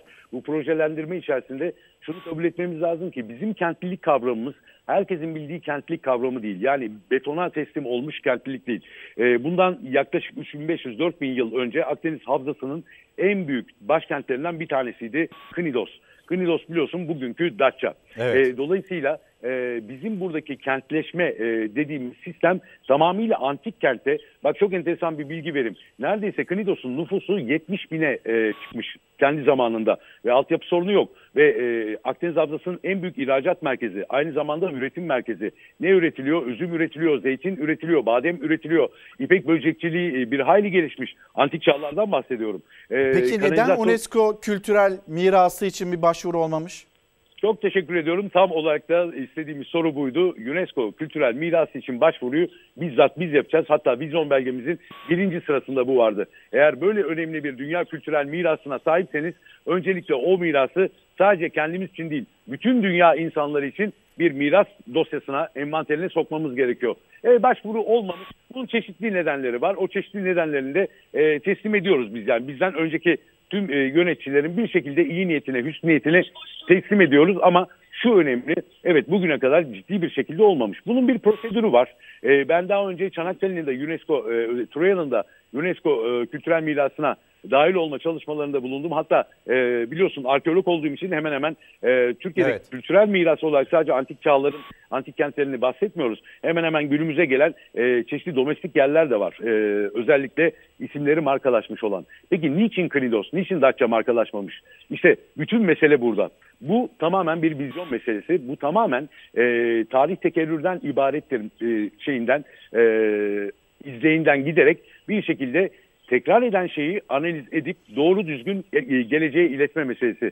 İlk işimiz UNESCO kültürel miras e, listesine girebilmek. Bunun içinde gerekli olan bütün prosedürleri yerine getireceğiz. Bakın bunları yapınca, bunları yaparken bir kentin kimliği de sosyolojisi de değişiyor. Açıkçası kalabalıklaşmak e, anlamında değil bu. Ama kentlileşmek az önce dediğim site mantığıyla kentlileşmekle e, Datça bir şekilde hem mavisine mavi katıyor hem kültürüne kültür katıyor hem de yerel sermayesine çok ciddi bir artı değer kazandırıyor. Datça'dan gelecek artı değerin bir şekilde ulusal sermayede yararını e, yabana atmamak lazım. Çünkü döviz girdisi bir şekilde turizm hepimizin e, bundan sonra bacasız sanayi dediğimiz turizm bundan sonra hepimizin belki de teslim olması gereken en önemli alanlardan bir tanesi olacak. Yalnız burada önemli bir şey var. Liyakatli ellerden çıkması gerekiyor. Yani turizmi siz bir şekilde e, dünyada karpostal haline getirirseniz, Knidos'u Datça'yı karpostal haline getirirseniz öncelikle altyapısına bir şekilde e, o tip bir e, turizm şehirleşmesine e, çok dikkatli yaklaşmanız lazım. Datça'nın 5 yıldızlı otellere ihtiyacı yok. Datça'nın koca koca 7 yıldızlı otellere ihtiyacı yok. Uzun bitmeyen e, asansörlerle çıkan e, efendime söyleyeyim ve kendi içinde bir kentmiş gibi yaşayan turizme ihtiyacı yok. Datça'nın e, tıpkı şeydeki Akdeniz'deki diğer paydaşları gibi e, işte Napoli dersiniz buna, Marsilya dersiniz, e, Saint-Tropez dersiniz ne derseniz deyin kendi içerisinde tatlı bir butikleşme hali var. O butikleşme halini biraz buranın e, ruhuna uygun biraz Akdeniz'in ve Ege'nin birleştiği sulardır burası. Akdeniz ve Ege'nin birleştiği suların ruhuna uygun mavi, yeşil, beyaz hale getirebilirsek Datça zaten kendiliğinden bir şekilde hak ettiği yere kavuşmuş olacak. Mesut abi Datçalı büyük bir heyecanla anlatıyorsun. Hem Evet. Akdeniz'i anlatıyorsun, hem Datça'yı anlatıyorsun, hem oradaki havzayı anlatıyorsun. Ama tabii bence Datçalılar kaç kişi giriyordu orada yarışa? Aday adaylığında galiba 11 kişi vardı. 11 aday var. Evet, 11, 11 aday var. Onları da bir yandan böyle vizyonu konuşmak için e, Hodri Meydan da diyerek e, herhalde bir davetin de söz konusu. Az önce dedin ya İlker bakıyorum haberlere e, sürekli zamlar vesaire diye. Şimdi bir zam haberi var. İzleyicilerimizle onu paylaşacağız. Yani 10 dakikada bu kadar para neden istenir? E, sen de lütfen dinle Mesut abi. İzleyicilerimizle e, paylaşma imkanımız olsun. Döndüğümüzde emekli için ne yapacaksın? Mesela çocuklar için ne yapacaksın? Orada kentsel gelişim için, kırsal gelişim için nedir? Ne tür projelerin var? Onu da konuşalım. Bir de deprem dirençli kentler çağrısını duymak istiyoruz biz artık bu adaylardan. Ee, sen bununla ilgili depremle ilgili biliyoruz Datça'da da böyle bir problem var. Neler Deprem. vaat ediyorsun? Duyalım ama önce haberimiz Mesut abi. Tamam. Emekli misiniz siz? Emekliyim. Maaşım 9 bin lira. Ne kadar ödediniz muayene için? 1800 lira. Sarsmaz mı? Ekmeğimizden, suyumuzdan yani keserek getiriyoruz. Sonuçta yaptıkları burada çok fazla bir şey yok. İşlem 15 dakika sürdü. Fakat fiyat fazla. Ne kadar ödediniz? 1821 lira. Yeni yılla birlikte araç muayene ücretine de zam geldi. Geçen sene 1149 liraydı. %58 zamlandı. 1821 liraya yükseldi. Egzoz muayenesiyle birlikte bir otomobilin muayene ücreti toplam 2077 liraya çıktı. Kaç dakika sürdü işlem? 10 dakika 15 dakika falan sürdü. Bütçeyi sarsacak bir şey oluyor tabii. Maalesef öyle. Bedelini ödemek zorundayız. Araç sahiplerinin bedelini ödemek zorunda olduğu muayene ücretleri yıldan yıla katlandı. 2 yıl öncesine göre artış %260'ı buldu. Egzoz muayenesiyle birlikte araç muayene ücreti 2024 ile birlikte 2000 lirayı geçiyor artık. Sürücülerse araç muayene istasyonlarında en fazla 15 dakika süren bir işlem için neden bu kadar yüksek ücret ödüyoruz diye soruyor. Aşırı derece pahalı yani yapılan işleme göre. Çok fazla artış. Geçen hafta gelseydim 1100 küsür lira ödeyecektim. Şimdi 1800 küsür. Benzin para, vergisi, ÖTV'si, MTV'si, muayenesi her anlamda ödüyorsun yani. Bu kadar çok para ödememeli yani insanlar. Araç muayene ücretleri yeni yılda bütçeleri sarsmaya devam ediyor. Bütçesi sarsılanlardan biri de asgari ücretli Aslan Demirkol. Gecikme zammıyla birlikte 14 yaşındaki aracının muayenesine 2500 lira verdi. Maaş arttı ama maaşla birlikte zamlar da çoğaldı. Yılbaşından önce ödeseydim 1300 falan ödeyecektim. Yılbaşından sonra ödedim mesela 2500 liraya denk geldi. Milyonca araç var. Yani bu para nereye gidiyor abi? Nerede harcanıyor? 10 yıllık işletim döneminde araç muayene gelirlerinin %50'si devlete aktarılmaktadır. Zorunlu araç muayenesi özel şirkete verildi. Ancak gelirin yarısı devletin kasasına giriyor. Yani her bir araçtan alınan 910 lira firmaya, 910 lira da hazineye gidiyor. Gecikme zamlarının ise tamamı devletin kasasına aktarılıyor. Binek otomobiller 2 yılda bir, ticari araçlarsa her yıl muayeneye girmek zorunda. Yılbaşından sonra bir gün iki gün e, arayla bir 800 lira fark yemek insana biraz dokunuyor. Tabii. Biraz daha düşük olmalı. Ben her sene yaptırıyorum mesela. iki senede bir de diyeyim. Vatandaş içi- için üzülüp böyle olmaması lazım deyip de kenara çekilmemeleri lazım. Ellerini vicdan kısmına koysunlar. Nerede bulurlar bilemiyorum ama.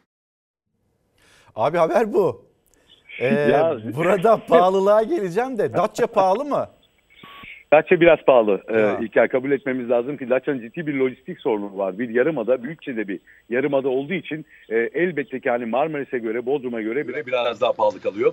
Ee, sağ ol verdiğin haberi buradaki tüm arkadaşlarıma e, dinlettim. Hepimiz yeniden hesapları e, bir minicik de olsa arabası var. Herkes tekrar tekrar hesabını kurmaya başladı. Ama e, şunu kabul edelim ki e, Türkiye'de hayat pahalı. Türkiye'de hayat pahalı olunca neredeyse en ücra köşedeki bu kıyı kentinde de hayatın pahalılığı kaçınılmaz. Fakat bu engellenebilir mi? Elbette ki engellenebilir. Bunun için de son derece basit çalışmalar var. Şöyle temel ihtiyaçlar yani insanların temel ihtiyaç, e, ihtiyaçlarını bir şekilde buranın öz kaynaklarını tekrar harekete geçirerek sağlayabiliyoruz. Nedir? Datça yılın iki döneminde serasız domates üretebilen bir yer. E, bademini üretiyor, balını üretiyor, peynirini üretiyor, sütünü üretiyor. Hurması? Dolayısıyla Hurması da hurması şöyle bir e, derdi var e, sevgili İlker. Datça hurması çok ciddi bir şekilde artık endemik bitkiler e, şeyine geldi. Sınıfına alındı ve şu önemli Datça hurması yavaş yavaş soyu tükenmek üzere olan bir meyve.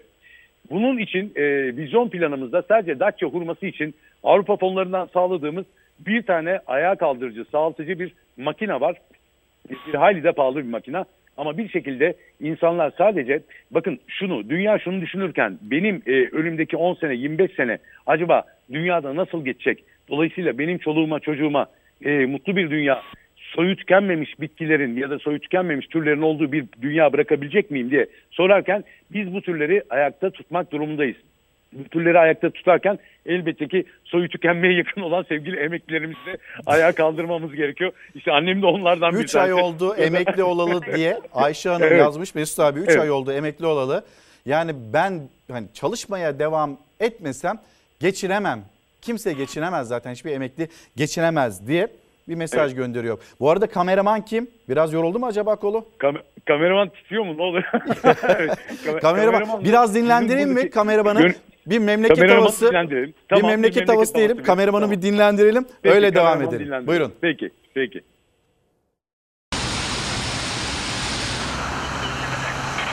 Hava sıcaklıkları mevsim normallerinin üzerinde seyretmeye devam ederken İstanbul'da kısa süreli etkili olan sağanak trafiği kilitlemeye yetti.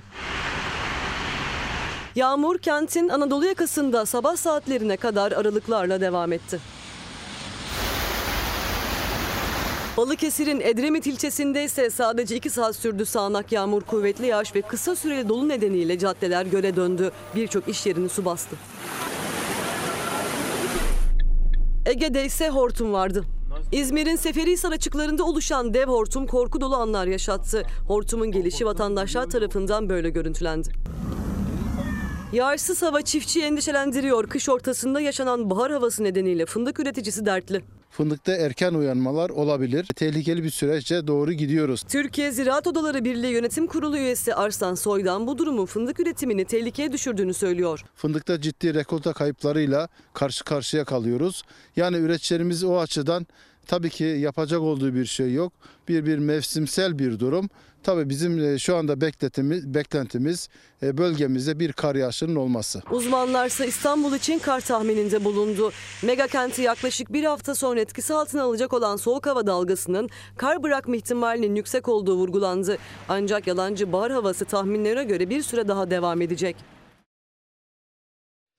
Ee, şimdi bu aslında Mesut Yer tarafından müthiş bir tanım. Onu da söylemek gerekiyor. Mutlu olabilecek mikro mekan yaratma. Böyle bir çabası var Mesut Yar'ın. Şimdi tekrar Datça'ya gideceğiz. Mesut Yar yanında emekliler var. Mesut Yar'la birlikte e, sokaklarda olanlar var. Onun sesini daha da böyle çoğaltmaya çalışanlar var. Mesut abi ya gerçekten hani harika bir tanım.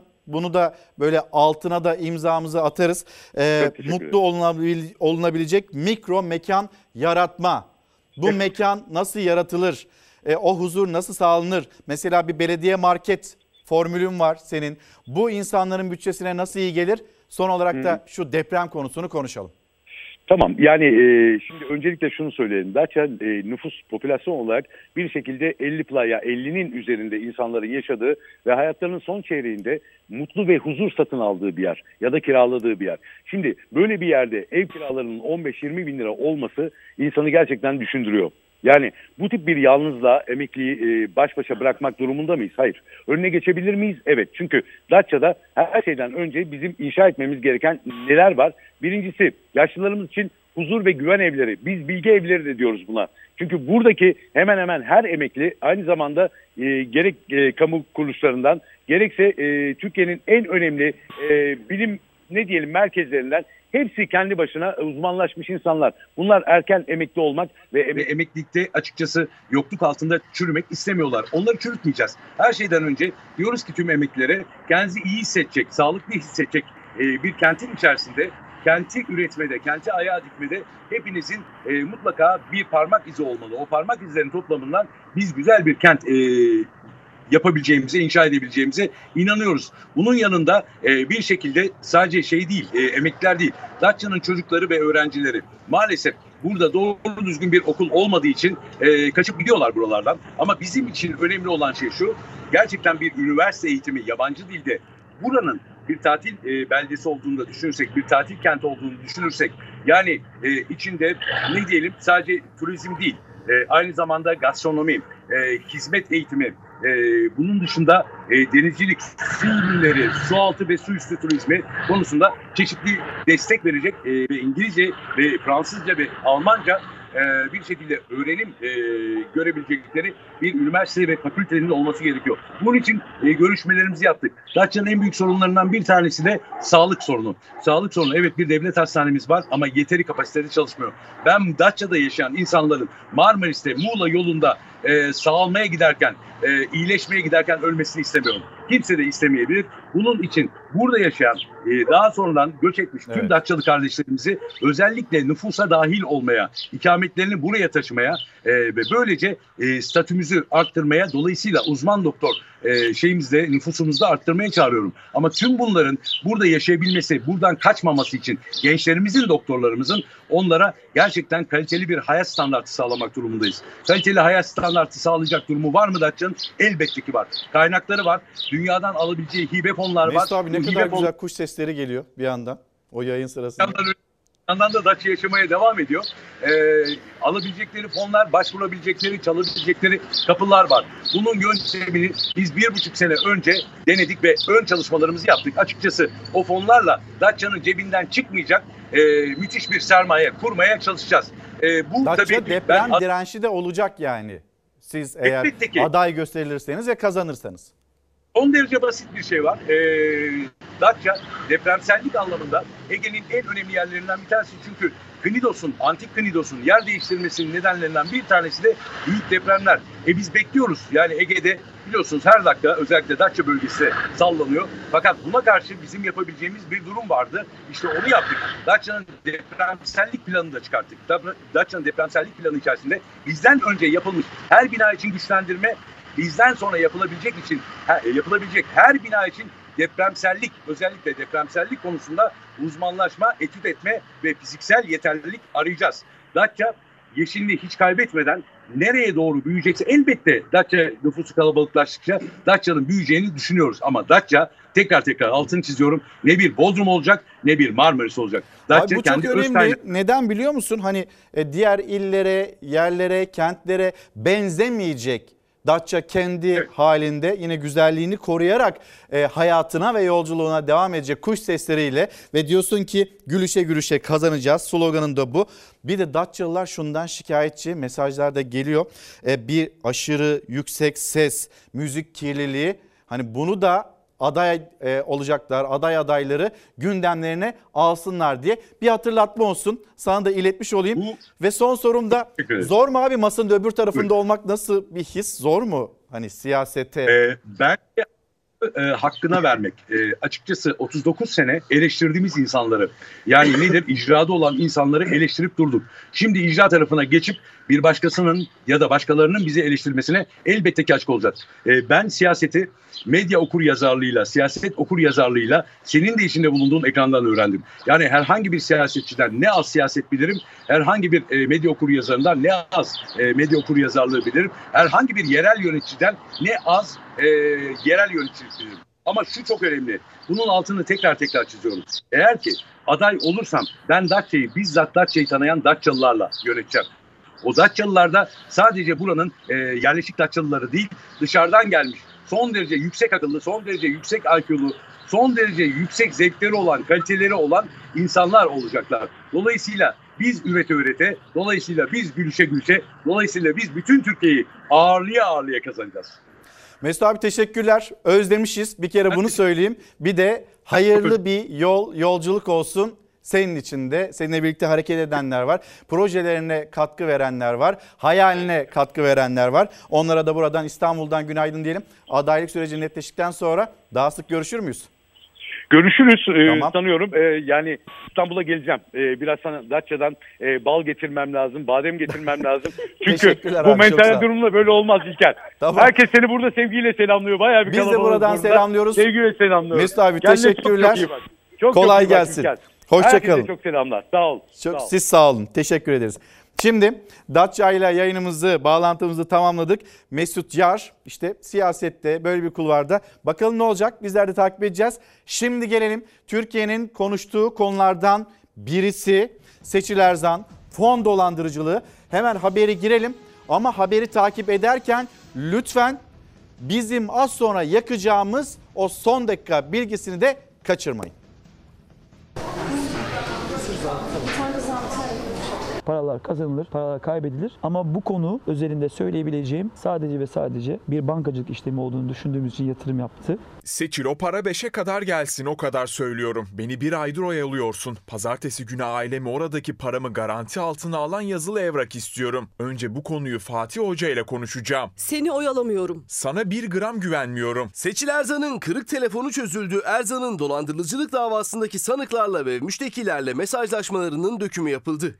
553 sayfalık raporda Erzan'ın Arda Turan'la Fulya Terim'le görüşmeleri yer aldı. Beni rezil ettin. Çarşamba benim için sondu. Hala sözümün arkasındayım. Bizi oyaladın. Arda oyalamadım. O kayıtlarda Arda Turan'ın eşine çanta almak için verdiği paradan geri almak istediği ortaya çıktı. Seçil Erzan'la aralarında geçen gergin konuşmalarda. Salak yerine koydun. Bu akşam bu iş olmasın bakalım ne olacak. Ben bir aydır uyku uyuyamıyorum. Benim uyuyamadığım yerde kimseyi uyutmayacağım. Çocuklarımın üzerine yemin ettim. Hadi bakalım benim kayışımı kopardın. Bakalım ne oluyor? Koparma ne olur koparma. Olmuş işi bozma. Benim param bu akşam gelecek. Sana imzasız kayıtsız 15 milyon dolar nakit akışı sağladım. Bakmadan karşılığına bak. Arda Turan'ın bu işin sorumlusu kim sorusuna ise Seçil Erzan'ın verdiği tek sorumlu benim yanıtı. Ne zaman çıkıyor para? Ben saat istiyorum. Bugün o para gelecek Seçil. Ben o kadar söylüyorum. O adama parayı götüreceğim ben. Seni utanmaz. Bizi oyalarsın ha? Yakma iki evladın var. Bana hemen bu işin sorumlusu kim onun numarasını atıyorsun. Seni yalancı. Benim tek sorumlusu. Bilirkişi raporunda Seçil Erzan'ın Fatih Terim'in eşi Fulya Terim'le mesajlaşmaları da yer aldı. Yine aynı raporda Erzan'la Selçuk İnan arasında çok az sayıda mesajlaşma görüldü. Erzan'ın Emre Belezoğlu ise herhangi bir mesajlaşmada bulunmadığı belirlendi. Ancak Belezoğlu Erzan'a 4.2 milyon dolar kaptırdı. Emre e, başka bankadaki parası ve büyük miktar bir altınını e, bozdurarak e, vermiş. Hatta o altının teslim alındığına dair bozdurulan kuyumcudan alınan evraklar vesaire de bu dosya içerisinde var. İşte Belezoğlu'nun Seçil Erzan'a verilmek üzere bozdurduğu altınların belgesi 17 Mart 2023'te yani fon dolandırıcılığı patlak vermeden sadece 3 hafta önce 30 kilogram altın karşılığında 35 milyon 460 bin lira aldı Emre Belezoğlu. Hem altınlardan gelen bu parayı hem de başka bir banka hesabındaki parayı aynı gün içinde dolara çevirerek Volkan Bahçekapılı aracılığıyla Erzan'a teslim etti. Zaten şu an hukuksal süreçler ilerliyor. Ee, oradan iyi haberler alacağımızı düşünüyorum. Görmüş olduğunuz üzere son dakika bilgileri geldi. Biz de hazırlığımızı yaptık. TÜİK aylık olarak enflasyonu %4'ü falan bulmaz demiştik. Yani en yakın açıkladığı gibi olmaz demiştik. Ve TÜİK'in aylık enflasyon hesabı %2,93. Merkez Bankası nasıl güzel hesap yapmışlar. Yıl sonu e, enflasyon beklentisi %65'ti. %64,77 olarak gerçekleşti 2023 yılının enflasyonu. Ee, ENAG'a baktığımızda %4,12, yıllık enflasyonda %127,21. İstanbul Ticaret Odası o da bir hesap yapmıştı. Hatta İstanbul'un e, enflasyonuna da bakıp şampiyonuna da bakıp bugün başlığımızı belirledik. Kabak %93 oranında Aralık ayında zamlanmıştı. Biz de kabak tadı verdi dedik bugün başlığımızda. Yıllık enflasyon İstanbul Ticaret Odası %74,88 olarak hesapladı. Böyle birkaç ay öncesine kadar belki 6 ay 8 ay öncesine kadar TÜİK'in hesabıyla İstanbul Ticaret Odası'nın hesabı birbirini tutardı. Artık kesinlikle tutmuyor. Aylık enflasyona da baktığımızda biz memur emeklileri için, SSK Bağkur emeklileri için neyi söyleyebiliriz? Ortalama yaklaşık olarak memur emeklerine %50'lik bir zam. SGK, Bağkur emeklerine ise %38, %37, %39 bu oranlarda bu seviyelerde bir zamdan söz edebiliriz. Tekrar gelsin ekranlarınız hatta ekranda kalsın. Görüyorsunuz TÜİK'in açıkladığı veriler aylık enflasyon %2,93, yıllık enflasyonda %64,77. Devam edelim. Şimdi yine haberlerimize dün Adana'dan o acı haberi getirmiştik ekranlarınıza. Ve ilerleyen saatlerde dün yine gün içinde e, toprağa verildiler. Bir soba faciası ve sonrasında dökülen gözyaşları.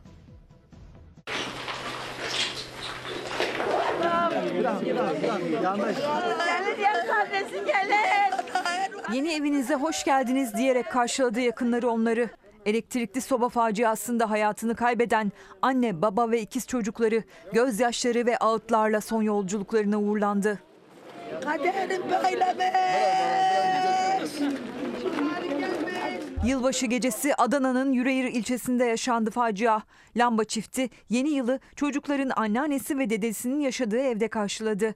Geç olunca 2 yaşındaki ikizleri yanlarına alıp döndüler. 7 yaşındaki Irmak'la 9 yaşındaki Bulut'u uyuyakaldıkları için dedelerinde bıraktılar. Yılbaşı gecesi olduğu için babaları çağırıyor burada torunlarıyla beraber yemek yiyorlar. Yemek yerken iki büyük çocuğu burada uyuyor kalıyor dedesgilde. İkizler var iki tane. Onlar da yatıyor. Anneleri demiş ikizleri götürün bunlar burada yatsın. Lamba çifti eve dönünce elektrikli sobayı açık halde bırakıp yattı. Birkaç saat sonra o evden alevler yükseldi. Devrilen sobadan çıkan yangında anne Nazan Lamba, baba Enis Lamba ve ikizlerden Kaan dumandan zehirlenerek hayatlarını kaybetti. İkizlerden Demir'in durumuysa ağırdı. Demir Bebek'te kaldırıldığı hastanede yaşamını yitirdi. İtfaiye geldi kapıları kırdılar. Dörtü de yatıyordu. Soba faciasında can veren anne, baba ve ikiz çocukları evlerinin önünde böyle karşılandı. Kızı, damadı ve torunlarını kaybeden anneanne Selma Lamba'nın feryadı yürekleri dağladı.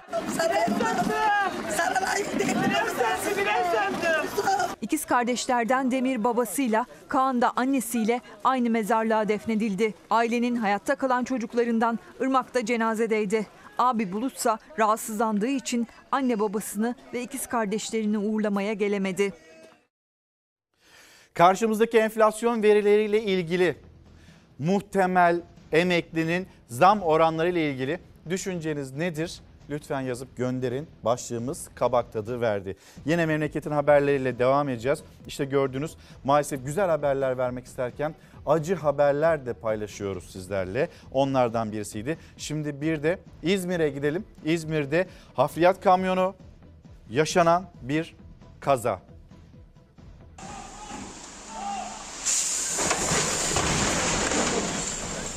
Kum boşaltan hafriyat kamyonunda ağırlık dengesi bozuldu. Şoför kapıyı açtı ancak çıkamadan kamyon devrildi. İzmir'in Karabağlar ilçesinde Tahsin Yazıcı mahallesinde bulunan hafriyat kamyonu kasadaki yükü boşaltırken devrildi. Yokuş aşağı doğru park halinde olan hafriyat kamyonunda bir süre sonra denge bozuldu. Kamyon havalanmaya başladı. Vatandaşların bağırışlarıyla kapıyı açtı ancak o daha çıkamadan kamyon devrildi. İçeri düşen şoför yaralandı. Allah Allah Allah. Kum yüklü hafriyat kamyonu evleri biraz daha yakın olsaydı kazanın boyutu daha büyük olabilirdi. Ucuz atlatıldı. Kamyonun sürücüsü hafif yaralandı. Şöyle hemen bir toparlamasını yapalım. SSK, Bağkur emeklileri onların maaş zammı oranı %37,57 bu oranda. Yani 2023 yılının nasıl geçtiğine bakın. Enflasyona ezildiniz mi, ezilmediniz mi? Bir onu tartın. Sonra 2024 yılında Mayıs ayına kadar hala bu enflasyonun yüksek olarak devam edeceğini düşünün. %37'lik zam emekliye yeter mi? Bir onunla ilgili mesaj, mesajınızı bekliyoruz. Sonra emekli sandığı işte memur için, e, memur emekliler için karşımızda nasıl bir oran var? Zaten toplu görüşmede belli oluyor. Toplu görüşmede %15'e imza atılmıştı. Bir de enflasyon farkı alınacak. Enflasyon farkı %31,5 çıktı. E, o zaman karşımızda %46,5'luk bir zam oranı var. %50'ye tamamlanır mı? Bu seviyede bırakılır mı? Ne dersiniz? bu zam oranları ile ilgili kabak tadı verdik. Bir kez daha başlığımızı hatırlatalım. Emekli zamları belli oldu. SGK Bağkur için %37,5. E, emekli sandığı e, memur emeklisi için memurlar için de %46,5 %47 oranında bir zamdan söz ediyoruz. Şimdi gelelim SMA'lı çocuklarımız ee, az önce söylediğim haberi sonra paylaşalım. SMA'lı çocuklarımızın haberini bugün mutlaka da e, getirelim istiyoruz ekranlarınıza. Ailelerinin çırpınışı e, bir tarafta, diğer tarafta onların bu mağduriyeti üzerinden yolsuzluk yapma, dolandırıcılık yapma çabası içinde olanlar.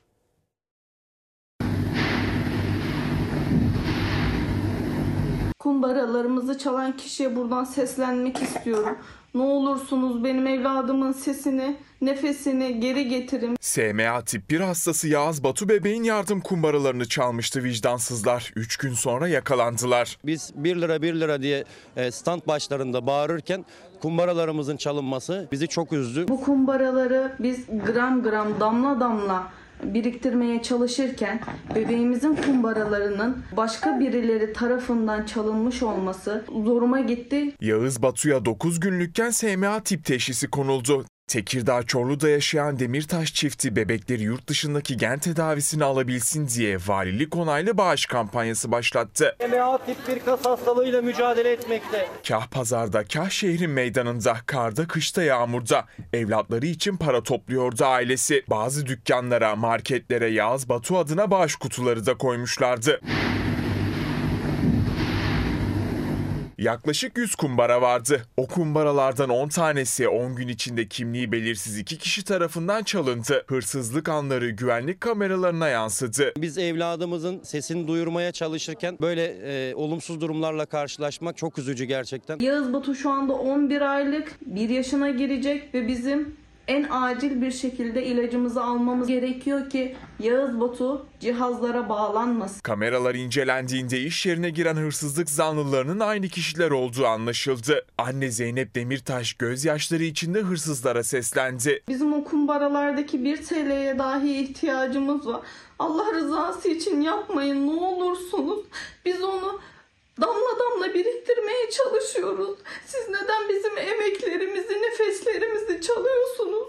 Allah rızası için ne olursunuz geri getirin. Çorlu polisi 6 iş yerine ait 680 saatlik güvenlik kamerası kayıtlarını incelemeye başladı. Şüphelilerin kimliği bu sayede belirlendi. AT ve FE isimli şüpheliler adreslerine düzenlenen operasyonla yakalandı. İki kişi tutuklanarak cezaevine gönderildi. Şimdi tekrar bir toparlamasını yapalım. Emekli zamları belli oldu. SGK Bağkur emeklilerinin zammı %37,57. E, memur memur emeklileri için zam oranında %15 artı %31,5. E, kümülatif olarak karşımıza çıkan rakam da %50'yi aşıyor. Hatta böyle %51 ediyor e, tam net rakamlarını tabii ilerleyen dakikalarda ve akşam Fox e, ana haber bülteninde paylaşacağız sizlerle. Ama şu anda karşımızda bu rakamlar var. Sorumuz da aslında yeter mi? Karşımızdaki rakamlar madem ihracatta böyle büyük bir sıçrayış yaptık rekor falan diye o haberleri de paylaşıyoruz. Yeter mi emekliye? Yeter mi bu ülkenin vatandaşlarına? 7500 liralık en düşük emekli maaşı acaba ne kadar olacak? Ne kadara vardırılabilecek? Onu da göreceğiz hep birlikte. Yine devam edelim. Bursa'ya gideceğiz.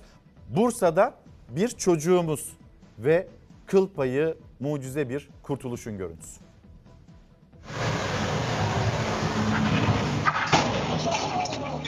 Sürücünün bir anlık dikkati ve yaptığı manevra 5 yaşındaki çocuk ezilmekten böyle kurtuldu.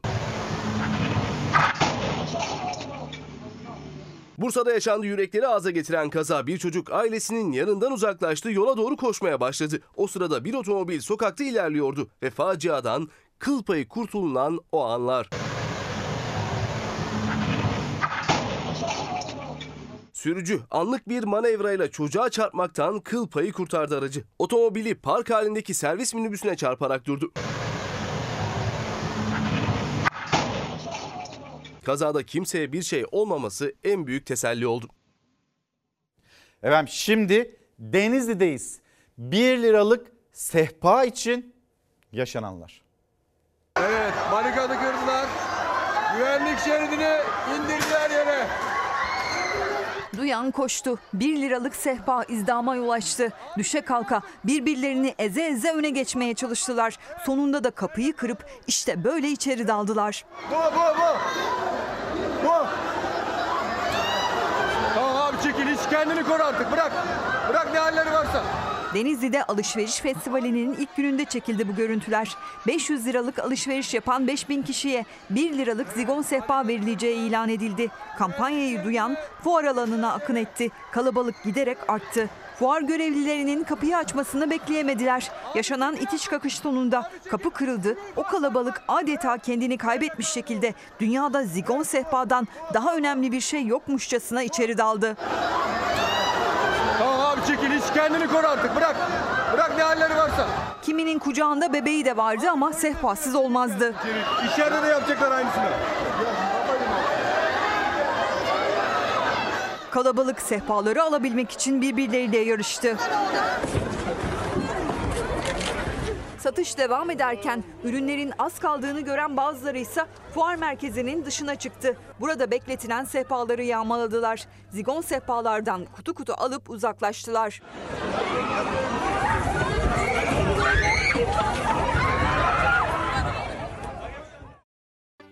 Günaydın bir kez daha. Bugünü noktalıyoruz. Yarın saatler 8'i gösterdiğinde yine burada olacağız. Fox ekranlarında çalar saatte ve biliyoruz ki o ana dek buluşuncaya dek yine sizlere anlatacağımız pek çok konu, pek çok başlık birikecek. Beraberce konuşalım. Yayınımızı bu şekilde gerçekleştiriyoruz. Yine düşüncelerinize, fikirlerinize ihtiyacımız olacak Çalar Saat'te. Kapatırken her, her zamanki gibi teşekkürümüz de sizlere. Bizi izlediğiniz için teşekkür ederiz. Yarın sabah görüşürüz. Hoşçakalın. Güzel bir gün olsun.